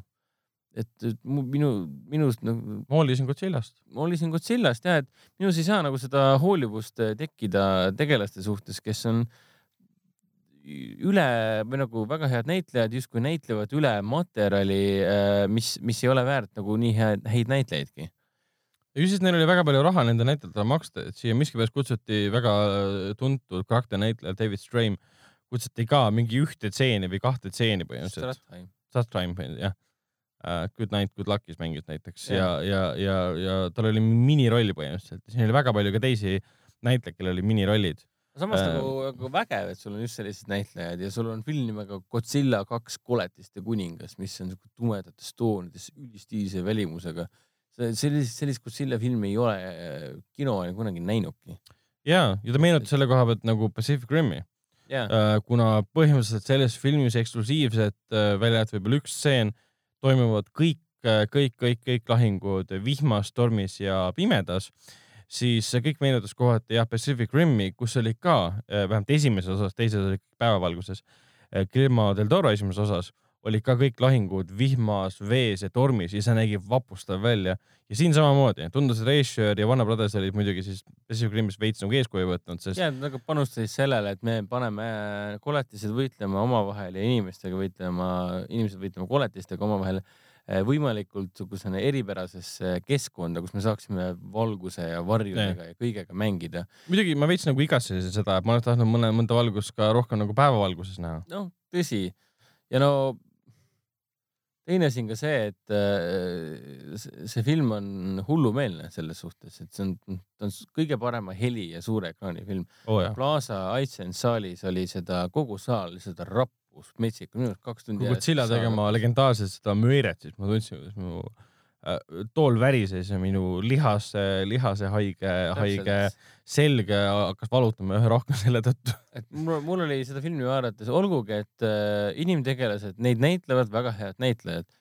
Filmi nagu teemad on tegelikult väga ägedad ja väga haaravad, lihtsalt sisuline liikumine mõjub äh, pigem vaimuvaese ja igavana ja kõik, mida tegelased räägivad omavahel, mõjub samuti siukse, siukene afterthought'ina nii-öelda, ehk siis mm. mm. nagu, mis see afterthought eesti keeles on, teisejärgulisena. teisejärgulisena. jah, aga sellest sõltumata see kõik arenes nii kiiresti, et kohati mul tekkis siuke tunne, et kuulge, pange paus, ma tahan korraks, ma tahan korraks hingata aga. samas, kui sa jäid nagu, kuidas nüüd öelda, rongi pealt maha, siis sul polnud kahju ka, et nagu pange lihtsalt edasi, ma ei pööra selle sisule tähelepanu, et aa, teil on mingi asi, mida te peate tooma, kus te peate mingi koodi sisse panema, midagi tegema. kõik on hirmus tavaline, siin, siin on seda. seda tunnet, et tegelikult kui sa isegi rongist maha jääd, siis sa jõuad sinna rongi peale kohe päris kiiresti tagasi, lippad järgi nagu Red Dead Redemptionis hüppad oma poni peale ja paned järgi, et no noh, hüppad peale ja valmis, ega sa rongist maha ei jää. okei okay,, noh- natuke jääb tunne, et jääd maha, et nagu su, mul oli Red Deadis niimoodi, ratsutan rongile järgi, et issand, kas ma ei jõuagi või. aga ühel hetkel justkui mäng annab mõista, et jõu tule, tule järgi. ja, ja, ja. kuigi Ja siin filmis oli küll mõni, mõni tegelane sai niimoodi surma, et sa pilgutad silma ja sa ei pane tähele. ja ei, mul oligi see seal alguses, et äh, ma veel vaatasin sinu poole, et ah ta nagu visuaalselt nagu confirmation'i kinni, vabandust, eesti keeles saada nagu visuaalset kinnitust äh, ilma sinuga rääkimata filmi ajal, et äh, kas juhtus see, mis ma praegu arvasin ja siis see nagu tõstab mulle hea mm.. mm,. Aga, aga noh, sellest sõltumata äh, mul on tunne, et ma tõenäoliselt lähen seda uuesti veel vaatama. ma vaataks ka. et äh. Garrett Edwardsi kahe tuhande neljateistkümnenda aasta Godzilla ehk siis selle ähm, koletiste universumi esimene film meeldib mulle kõvasti rohkem äh,. Sõltumata sellest, et seal on üheksa protsenti vähem koletiste vahelist kaklusvõitlust. aga seal oli see Garrett Edwardsi kunstiline nägemus oli kuskil, justkui nagu unikaalsem ja põnevam Mm. äh,. aga noh, seal olid samad probleemid inimtegelastega nagu siingi äh,. Nendest kolmest, keskmine on siis Kang, Skull, Kong, Skull Island, mul hakkab tunduma, et mul hakkab nendest kolmest ikkagi Skull Island meeldib kõige rohkem. mulle ka ja ma, ma arvan, et lihtsalt võib-olla sellepärast, et see ei ole, ta ei ole Godzilla, ta on Kong, vaata. Viimane Kong, keda me nägime, oli Peter Jacksoni, vist oli kahe tuhande viienda aasta King Kongis ja, ja vahepeal pole olnud ühtegi filmi temaga põhimõtteliselt välja, välja arvatud võib-olla mõned Jaapani filmid, millest ma ei ole teadlik praegu. kuigi mul tänuväärt on see, et nad selle titaanide kontseptsiooni on äh, nagu ja. välja mõelnud, et nad on kõik jälle ära ühendanud. ehk siis äh, inimesed justkui avastavad selles universumis, et kust titaanid on pärit ja miks nad nüüd alles ärkavad ja kuidas nad on Kuidas nad sobituvad seotud. meie ajalukku põhimõtteliselt ja kõik see. täpselt, et mulle see nagu väga meeldib, et ei ole lihtsalt mingi lamp, et koll tuleb ja hakkab hävitama, nüüd tuleb siis Godzilla jälle ja. see oli, filmis on nagu korralikult seda mütoloogilise osa nagu tampimist. ühel hetkel lihtsalt nagu, kuule, me võtame nüüd hoo maha, et Godzilla nagu veits magab, et me siis võitlus jääb pooleli, et me lihtsalt tampime sulle räigelt mingit loori praegu näkku. ja et kui sulle meeldib äh, suured lood äh, suurtest tunnetest, suurtest tegudest äh, ja maailma, maailmat äh, apokalüpsisega, meeletu põrguliku piina, piinava apokalüpsist äh, ähvardava, ähvardavad olendid, siis, siis mul jääb isegi sõnu väheks, et seda kirjeldada, mõttes, et siiamaani mingis mõttes nagu ahmin õhku, et see on nagu Mm. mm. ridiculous või naeruväärne, kui, kui eepiline see film võib olla taaskord see on nagu love-hate nagu armastaja ja vihka nagu selline suhe selle filmiga. et ta ei ole Pacific Rim, Pacific Rim eh, kannatab samasuguste probleemide käes, aga suurim vahe on see, et see film Pacific Rimis eh, Del Toro teadis väga hästi, mida ta teeb, et ta tegi meelega just sellise filmi. et noh, jah, täpselt, et ta, ta ei üritanud äh, olla liiga tõsine või, või äh, sest koletiste kuningas põhimõtteliselt on kohati väga kämpi, ise jälle väga tõsine ja väga dramaatiline. Del Toro võttis, okei okay,, ma võtan ühe stiili ja järgin seda ja ta läks sellega lõpuni välja. see film kohati on liiga tõsine äh, äh, äh, selle koha pealt, mis ta tegelikult on. ja et kohati nagu praegu tuli mul pähe siuke paralleel nagu äh, Godzilla, uue Godzilla vaatamine, umbes nagu ka videomängu mängimine. kui sa mängid mingit äh, esimese isiku vaates äh, tulistamismängu ja siis äh, sa kõmmutad ja kõmmutad hästi palju, jooksed ringi ja siis tuleb vahevideod Mm. kus siis äh, ette ja taha selgitatakse sulle mingeid suuri mõtteid ja kontseptsioone ja keegi kuskil on vihane, emotsionaalne ja nii edasi. et kohati jäi siuke tunne, et äh, justkui kino, kinos oleval publikul jäi see osa nagu puudu, et ta saaks ise nagu, saad aru, mis ma mõtlen, et Mm. vanasti vähemalt mingi aeg tagasi oli videomängude vahevideotes alati see teema, et see ei olnud just kõige põnevam, mis seal toimus, sellepärast et see oli. seal oli vaja infot jagada. info jagamise ek- exposition dump'id nii-öelda yeah.. ma nüüd viskan teile siin ekspositsiooni, et te vaadake, et siin on umbes sama tunne tekkinud, et kui Godzilla nagu- kakles, siis sina justkui kontrollisid Godzillat ja mängid temaga, sest, sest siis on sul põnev. jah, ehk siis teisisõnu, kus see S-knupp on, et ma nüüd vajutan, et see vahepeal kohati ja see on hea, hea, hea paralleel. siin nagu tekkiski see tunne, et äh, äkki aa, see on selline mäng, kus ei saa vahevideosid ära panna. skip, skip, skip, ma ei viitsi vaadata seda imelikku character tampimist ja äh, äh, sisu tampimist ja kõike seda kuigi mõned vahevideod olid seal nii-öelda väga põnevad, et sa ei taha kinni panna. jah, täpselt. vot, aga need aga igatahes soovitame. mina mina soovitan igatahes nendest kindlasti. kolmest filmist on vist äh, Brightburni soovitan kindlasti ja Godzilla kahte kindlasti ma soovitan kõike, mis nendest parim on tegelikult, ma nüüd Godzilla kaks, ei, Brightburn, ei. mm.. Godzilla kaks. ma arvan ka, see on kõige ausam võib-olla selle koha, et mis ta olla tahab. ja kui Brightburn oli nagu segaduses ja Aladdin äh, mõjus pigem äh, mitte minu vanusele äh, publikule mõeldud filmina, ehk siis kui me oleksime kümme aastat noorem, ma naudiksin Mm. seda rohkem, siis Godzilla kaks oli umbes selline, et jõu, me tegime sellise filmi nagu täitsa meelega, vaata nüüd, mine mingi. okei okay,, naudin, aitäh no, sulle. ja ma nägin küll neid irvitavaid nägusid seal kinos äh, teatud, teatud väga konkreetsete kohtade juures ja Aga- inimesed nautisid. ja ma vahepeal nagu, nagu sirutasin selga ja toetasin, ma väga harva teen seda üldse kinosaalides, toetasin käed teise, teise mm, Eesoleva- rea, eesoleva rea eh, tooli, tooli seljale ja nagu vaatasin, panin käe, käe õla alla ja siis vaatan, et nagu mis toimub. Jeesus Kristus. no vot, vot, vot. vot, aga sellega paneme punkti meile, meie nähtud äh, filmidele ja lähme filmi soovituste juurde. sel nädalal alustavad äh, siis kinodes ähm, vene film Humorist, juba mainitud Godzilla kaks, kauaoodatud järgi tõenäoliselt meeletu, meeletu hitt, Lemmikloomade salane elu kaks. Lisaks tuleb ka muidugi õudusfilm Mumps või no nii-öelda omapärane õudusfilm Mumps. Õuduspõnevik tegelikult. täpselt. Ja siis äh, nüüd laupäeval äh, Hendrik Veits räägib äh, UEFA meistrite liiga finaalist, mida saavad inimesed vaatama tulla. Coca-Cola Plazasse näiteks, aga kusjuures kõigis meie kinodes laupäeval kell kakskümmend üks kolmkümmend algab siis UEFA meistrite liiga finaali otseülekanne, et selle asemel, et kodus jalkat vaadata ehk siis kõige olulisemat finaali mm. -hmm. äh, on võimalik seda nautida äh, Plaza's siis iSense'i saalis otseülekandena äh,. meie Plaza programm algab äh, kell üheksa, kell üheksa teeme uksed lahti. kohapeal toimub ka jalgpalliteemaline viktoriin, nii et kõik jalg, jalkaaustajad, pange valmis oma teadmised. kõiki, kõiki äh, viktoriini osalejad premeeritakse ka vastavalt ja loomulikult kõigis meie kinodes jagame ka head mõnusat värskendust kõikidele külastajatele ja poole kümnest hakkame kõigis meie kinodes nautima kõige suuremat finaali, mida annab leida. nii et äh, mina olen ise ka tõenäoliselt äh, vaatan, vaatan, vaatangi kinosaalis ära. eelmine kord, eelmine aasta ma vaat-, oli eelmine aasta jaa. Eelmine aasta ma vaatasin ka seda jalkat, jalkafinaali äh, suures saalis ja ma pean tõdema, see oli, see oli vägev ses suhtes, et eriti veel see, et kinosaal on paksult rahvast täis ja nad kõik hõiskavad nii emotsionaalselt, mina, ma, mina ei ole nagu jalkafänn selles suhtes mm. -hmm. aga ma hindan äh, mängu ennast ja tänapäevaseid suuri, suuri nii-öelda mängijaid. kaasaelamiseks, Kaasaelamist. inimeste õhina äh, hindamiseks ei pea olema fänn. põhine nii-öelda hindamine, et noh ja eelmise aasta põhjal ka äh, see, mis Kiievis toimus, see oli metsik, mismoodi rahvas reageeris, terve saal rappus inimestest, kes hulgavad seal kaasa ja see, ma tahan seda, ma tahan seda tunnet veel, et selles, et võtad õlle näppu ja vaatad rahu, rahulikult jalkat tohutu suurelt ekraanilt, et nagu no selge. ma olen väga excited.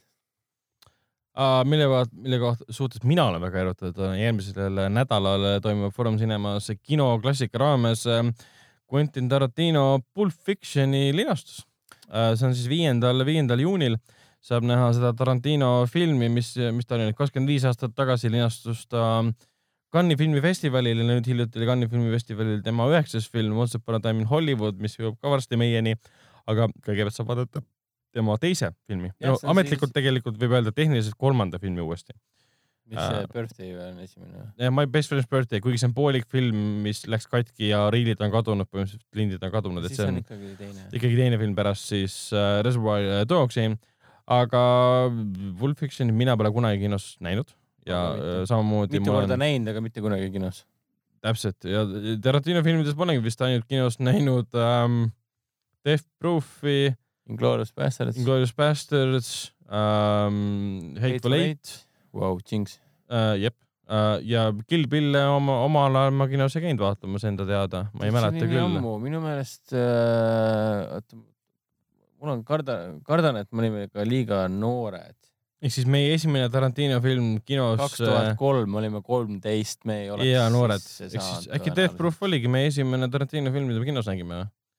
Ma arvan küll, päris kindel, et Mm. ma just vaatasin seda, et me kindlasti vaatasime Okei. seda kinos. sest enne Proofi nägemist nagu kinos me olime juba ammu tegelikult sellises vanuses äh, ähm, Kill Billid ja, ja Pulp Fictionid ja Jackie Brownid ära näinud. tead, meil on nagu ülihea meel, et just juuni kinoklassikaks nüüd igal, igal juuni kolmapäeval saab äh, Pulp Fictionit siis Coca-Cola Plazas uuesti nautida. Uma Thurmani ja, ja, ja äh, John Travolta tantsuseeni nautida jälle. just, ma nii ootan seda, üldsegi ma ootan seda tandemit nii-öelda oh, Jacksonit ja. Bruce Willis ja- nii veider Ving öelda, Rhames ja. nii veider on öelda Jackson, selles mõttes, et Samuel Jackson, Samueli puhul tuleb nagu kõik välja öelda, selles mõttes, ja, ja sa ei saa lihtsalt see ei öelda. make'i mitte mingit mis. Jackson, Peter Jacksonit sa Jackson, mõtlesid, Peterit või? Jackson Pollock? jah, ma mõtlesin, jaa okei okay. et väga vinge, et kindlasti esika, esikas äh, toimub ka muidugi meie suurimas saalis, kas sa mind seda mainisid või? ei, mina ei maininud seda. see toimub jah meie suurimas saalis, et kus mujal kui mitte iSense'is vaadata esilinastust. et, et jah, väga äge uh,. Nende filmide kohta võib-olla mainime nii palju, et Mams tundub siukene väga häiriv uh,. Godzilla kohta me juba rääkisime, Lemmikloomad tundub lõbus uh,. Mampsi, Mampsi olen mina juba näinud, täna Aa. hommikul oli äh, pressilinastus. Õigus, õigus, õigus, õigus. päeva hommikul oli pressilinastus. ja mind seal ei olnud. kus sa olid? Ravisin oma haiget, haiget selga. ja oled, oled välja vabandatud. aga tegemist on äh, väga ägeda põnevus, õuduspõnevikuga. et peaosas on ikkagi, naljakas ongi see, et see on õuduspõnevik noortest, kes äh, väikses linnakeses hirmsasti, hirmsasti tahavad alkoholi osta, aga nad on alaealised ja siis ei saa. Nad peavad kuskil vanades varemetes jooma, et nad kohaliku politseile mm. vahele ei jääks, need on noorte probleemid nii-öelda. Ja siis Oscari võitja Octavia Spencer, väga andekas äh, mustanahaline näitleja, näitlejanna. tema kehastab siis äh, siukest vanaldast ja äraklikku äh, mampsi, kes laseb ennast kutsuda mampsiks nii-öelda, ma, ma. Mhm. ja tema on siis, tuleb neile noortele vastu, ostab neile algsi ja, ja siis ta pakub neile, et kuule, aga ma elan siinsamas ju, et mul on seal allkeldris on vaba ruum ja sellest siis sünnib see, et äh, terve, terve linnakese kõik noored hakkavad siis äh, mampsi juures käima ja pidu panema, ilma et nad politseile vahele jääks. Mhm. aga muidugi õige pea hakkavad selguma väga häirivad ja eluohtlikud äh, sünged saladused, mis panevad meie peategelaskonna väga suurde ohtu. üldse väga veider kontseptsioon selle ja, ja filmi režissöör on Tate Taylor. kes on see tüüp, kes tegi mõne varasema populaarse õudusfilmi, mida me teame see peast. mees ei ole mitte kunagi teinud mitte ühtegi ta tegi romantilisi komöödiaid enne. ta kirjutas romantilisi komöödiaid enne. ei, ei, ei. ta lavastas Adam Sandleri filme varem. ta lavastas näiteks äh, The Helpi, mille, mille eest äh, Spencer Octavia Oscari Spencer saigi. saigi Oscari. Seal oli Jessica Chastain oli veel, Et- ehk siis ta on tuntud kvaliteetdraamade reissu, kes tegi nüüd õudu- õuduka. ja ta tegi ka Geto Napi aastal kaks tuhat neliteist. Aa, James Browni, James Browni eluloo päris hinnatud äh, biopic minu arust. ei ole näinud kahjuks. ja Tate Taylor tegi ka selle mm, bestselleri, bestselleri Tüdruk rongis põhjal Emily Bluntiga Tüdruk rongis filmi. ah,, mida üldse hästi vastu ei võetud. Mulle see täitsa meeldis, olgu, et ta läks päris kiiresti äh, lappama, ehk siis väga dramaatiline režissöör võtab, väga draamarežissöör võtab kätte ja teeb aga paned õudust. tähele, ta on järjepidevalt läinud õuduse ja põnevuse poole, vaata. jaa. et noh no,, tüdruk rongis ja sealt läks edasi Mämsi on, peale. on, on juba teema tegelikult jaa. vot uh,. selge Netflixi jõuab äh, sel nädalal, kolmekümne esimesel äh, mail äh, When They See Us, mis on siis Ava DuVernay uh, järgmine film uh,, mis räägib siis äh, Central Park Five'ist ehk siis nendest viiest uh, mustanahalisest noorukist, keda süüdistati, hiljem osutusid muidugi süütuteks äh, äh, pargi, Central Parkis jooksnud äh, naise ründamises ja vägistamises, mis siis juhtus äh, kaheksakümne üheksandal aastal. see on päris, ei see vabandust, see on teleseriaal ikkagi. See on, vaatasin, olen treilerit vaadanud ja päris huvitavalt tehtud, sest ähm, sellest samast teemast on tegelikult tehtud ka fi- dokumentaalfilm Central Park Five ja see on päris hämmastav, hämmastav juhtum tegelikult jah, kuidas süütuid noori inimesi, kes äh, jah, viibisid samas pargis, aga olgem ausad, Central Park on suur, süüdistati enamjaolt ikkagi nende nahavärvi pärast ja lihtsalt, et sobisid lahtrisse äh, inimese äh,, naisterahvas siis ründamises ja vägistamises ja osad läksid isegi kinni selle eest ja hiljem nad vabastati. Tuli välja, et aa, te ei olegi tegelikult süüdi, DNA tõendas, et nad polnud isegi seal, aga lihtsalt muud asitõendid nagu äh, suunasid sinna. ja see on siis Eva DuVernay oma.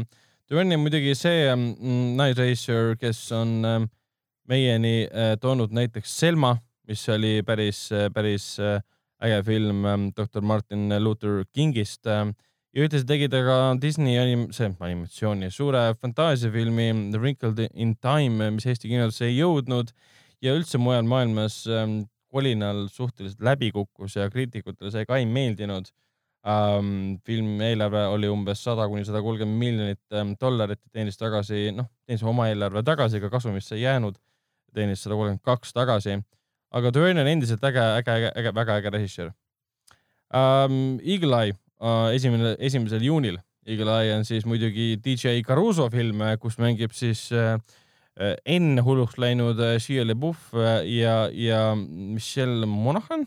Monaghan jah. täpselt ja Rosario Dawson ja Täpselt. Anthony Mackie ja yeah. Michael Chiklis ja Billy Bob Thornton. jah, jah, jah. ja, ja, ja. ma, seda me käisime sinuga siis, koos kinos vaatamas. koos kinos vaatamas, aasta oli siis kaks tuhat kaheksa ja ausalt öeldes ma hea meelega vaataks uuesti. Sest ma, minu meelest ma ei ole seda kunagi enam uuesti vaadanud, nüüd on üksteist aastat, aastat möödas, aga. ta oli nagu siukene mm, the state'i stiilis tehnotriller põhimõtteliselt. jah, siuke tehnotriller the state'i stiilis. see oli siis Tony Scotti film Will Smithiga jah, mis mulle ka kohutavalt meeldis. ma mäletan, mäletan seda, et erinevat estate'i näidati TV3-s või Kanal kahes. konstantselt. konstantselt näidati ja minu meelest me sinuga kogu aeg vaatasime no, seda. nii põnev lihtsalt. sest äh, Will Smith oli see nagu totaalne staar ja see oli nii, tema oli seal nii sarmikas ja kõik see. Ta oli nii pingeline mm crazy ja Eagle Eye'ga mul on täitsa soojad mälestused selles suhtes, et kogu see kontseptsioon sellest, et äh, peategelast hakkab äh, äh, nii-öelda. variorganisatsioon siis. vandenõusse tirima ei yeah. miski muu kui äh, tehisintellekt, intellekt nii-öelda, kellel on, kellel on omad, omad, omad plaanid ja operatsioonid seoses äh, võimuorganisatsioonidega nii-öelda. seal oli ka see venna teema sees, eks, teda hakati süüdistama venna tegudes nii-öelda. see, mis on ka väga sarnane ju sellele mm, Joel Schumacheri lavastatud äh, filmile Bad Company, kus äh, see oli ka sajandi alguses, kus äh, peaosad oli siis Chris Rock ja Anthony Hopkins. seal oli täpselt sama teema, et vend sai surma ja siis mm. peategelased arvati, et tema on ka. oli mingi aeg oli Hollywoodis see venna teema ikka väga teemas ja, aeg. nagu kaksikvend saab äh, surma nagu ja siis nagu Avatar ka ja, ju. Avataris on ka kaksikvend ja siis alati on see, et kaksik, me oleme ka sinuga kaksikud, nii et. Me oleme ka väga teemas praegu. This way comes nagu. ma loodan, loodan väga, et mitte. venna, ära mine. Oota, issand jumal, lähme tagasi teema juurde, nii oh,. Wow. Eagle Eye äh,, fun film oli, soovitame, soovitame vaadata või tahad veel midagi väga hea kokkuvõte ja, ja, ja. või tahad midagi veel mainida filmi kohta või? ei, ainult lisaks toonitaks seda, et minu meelest oli tegemist väga andeka ja põneva omaaegse nii-öelda tehnotrilleriga, et ma hea meelega vaataks seda uuesti. see oli see süütu aeg, kui, kui, kui ähm, Shia LaBeouf ei elanud oma rasket äh, lapsepõlve tänavatel ähm,, Ameerika sullinide tänavatel purju juues ja ähm, eriti sulle rassistlikuks äh, tõpraks äh, muutumine. ei, ma hindan teda väga näitlejana äh,, ta on minu arust väga andekas aga lihtsalt mõne inimese näitleja puhul eriti see eraelu lööb sisse liiga kõvasti. aga kui keegi tahab hinnata, mm, kes või mis on Shia LaBeouf, siis kindlasti otsige Youtube'is või kuskilt üles tema äh, kunagine otse, otse, kunagise otseülekande siis äh, salvestus, kus ta vaatas kõiki oma filme otsast lõpuni kaasa arvatud Transformerid ja nii edasi, ehk siis ta oli, läks kinno, kus ta tegi avalikud seansid, tasuta seansid, kus näidati kõik, kümmekond või rohkem filmi näidati järjest jutti ära, see oli nüüd mõned aastad tagasi. ja sellest tehti otseülekanne ka tema näost samal ajal, kui ta vaatas ja Transformerite ajal ta magas. see on väga äh, julge ettevõtmine. on, on, äh, ta on siukseid väga kunstilisi asju, sellised äh, kuidas nüüd öelda, ähm, eksperimente tänavatel ja väga palju teinud ja see on, ta on huvitav igatahes.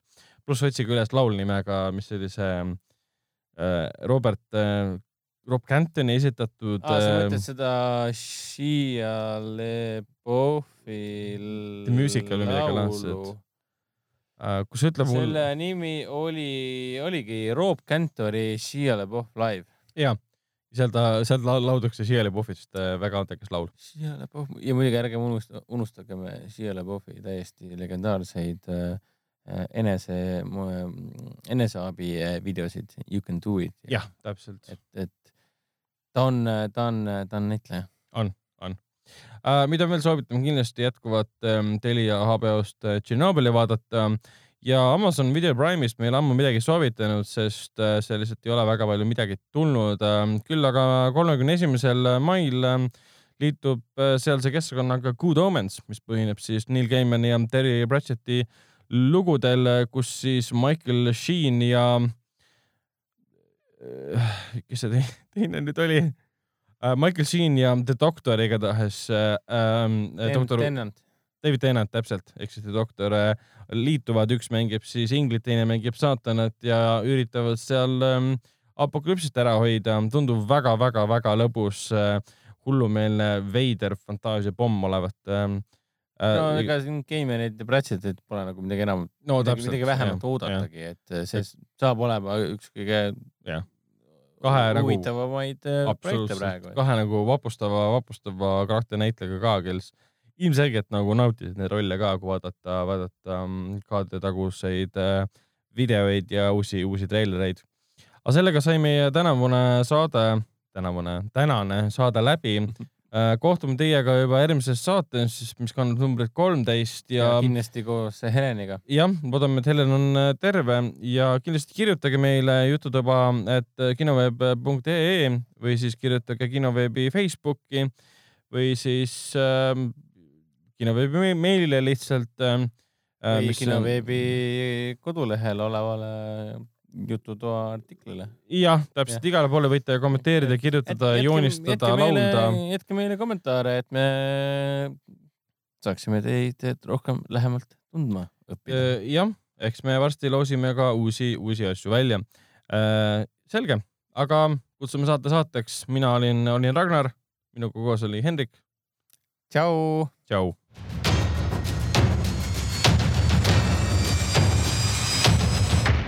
Kinoveebi Jututuba podcasti toob teieni Foorum Cinemas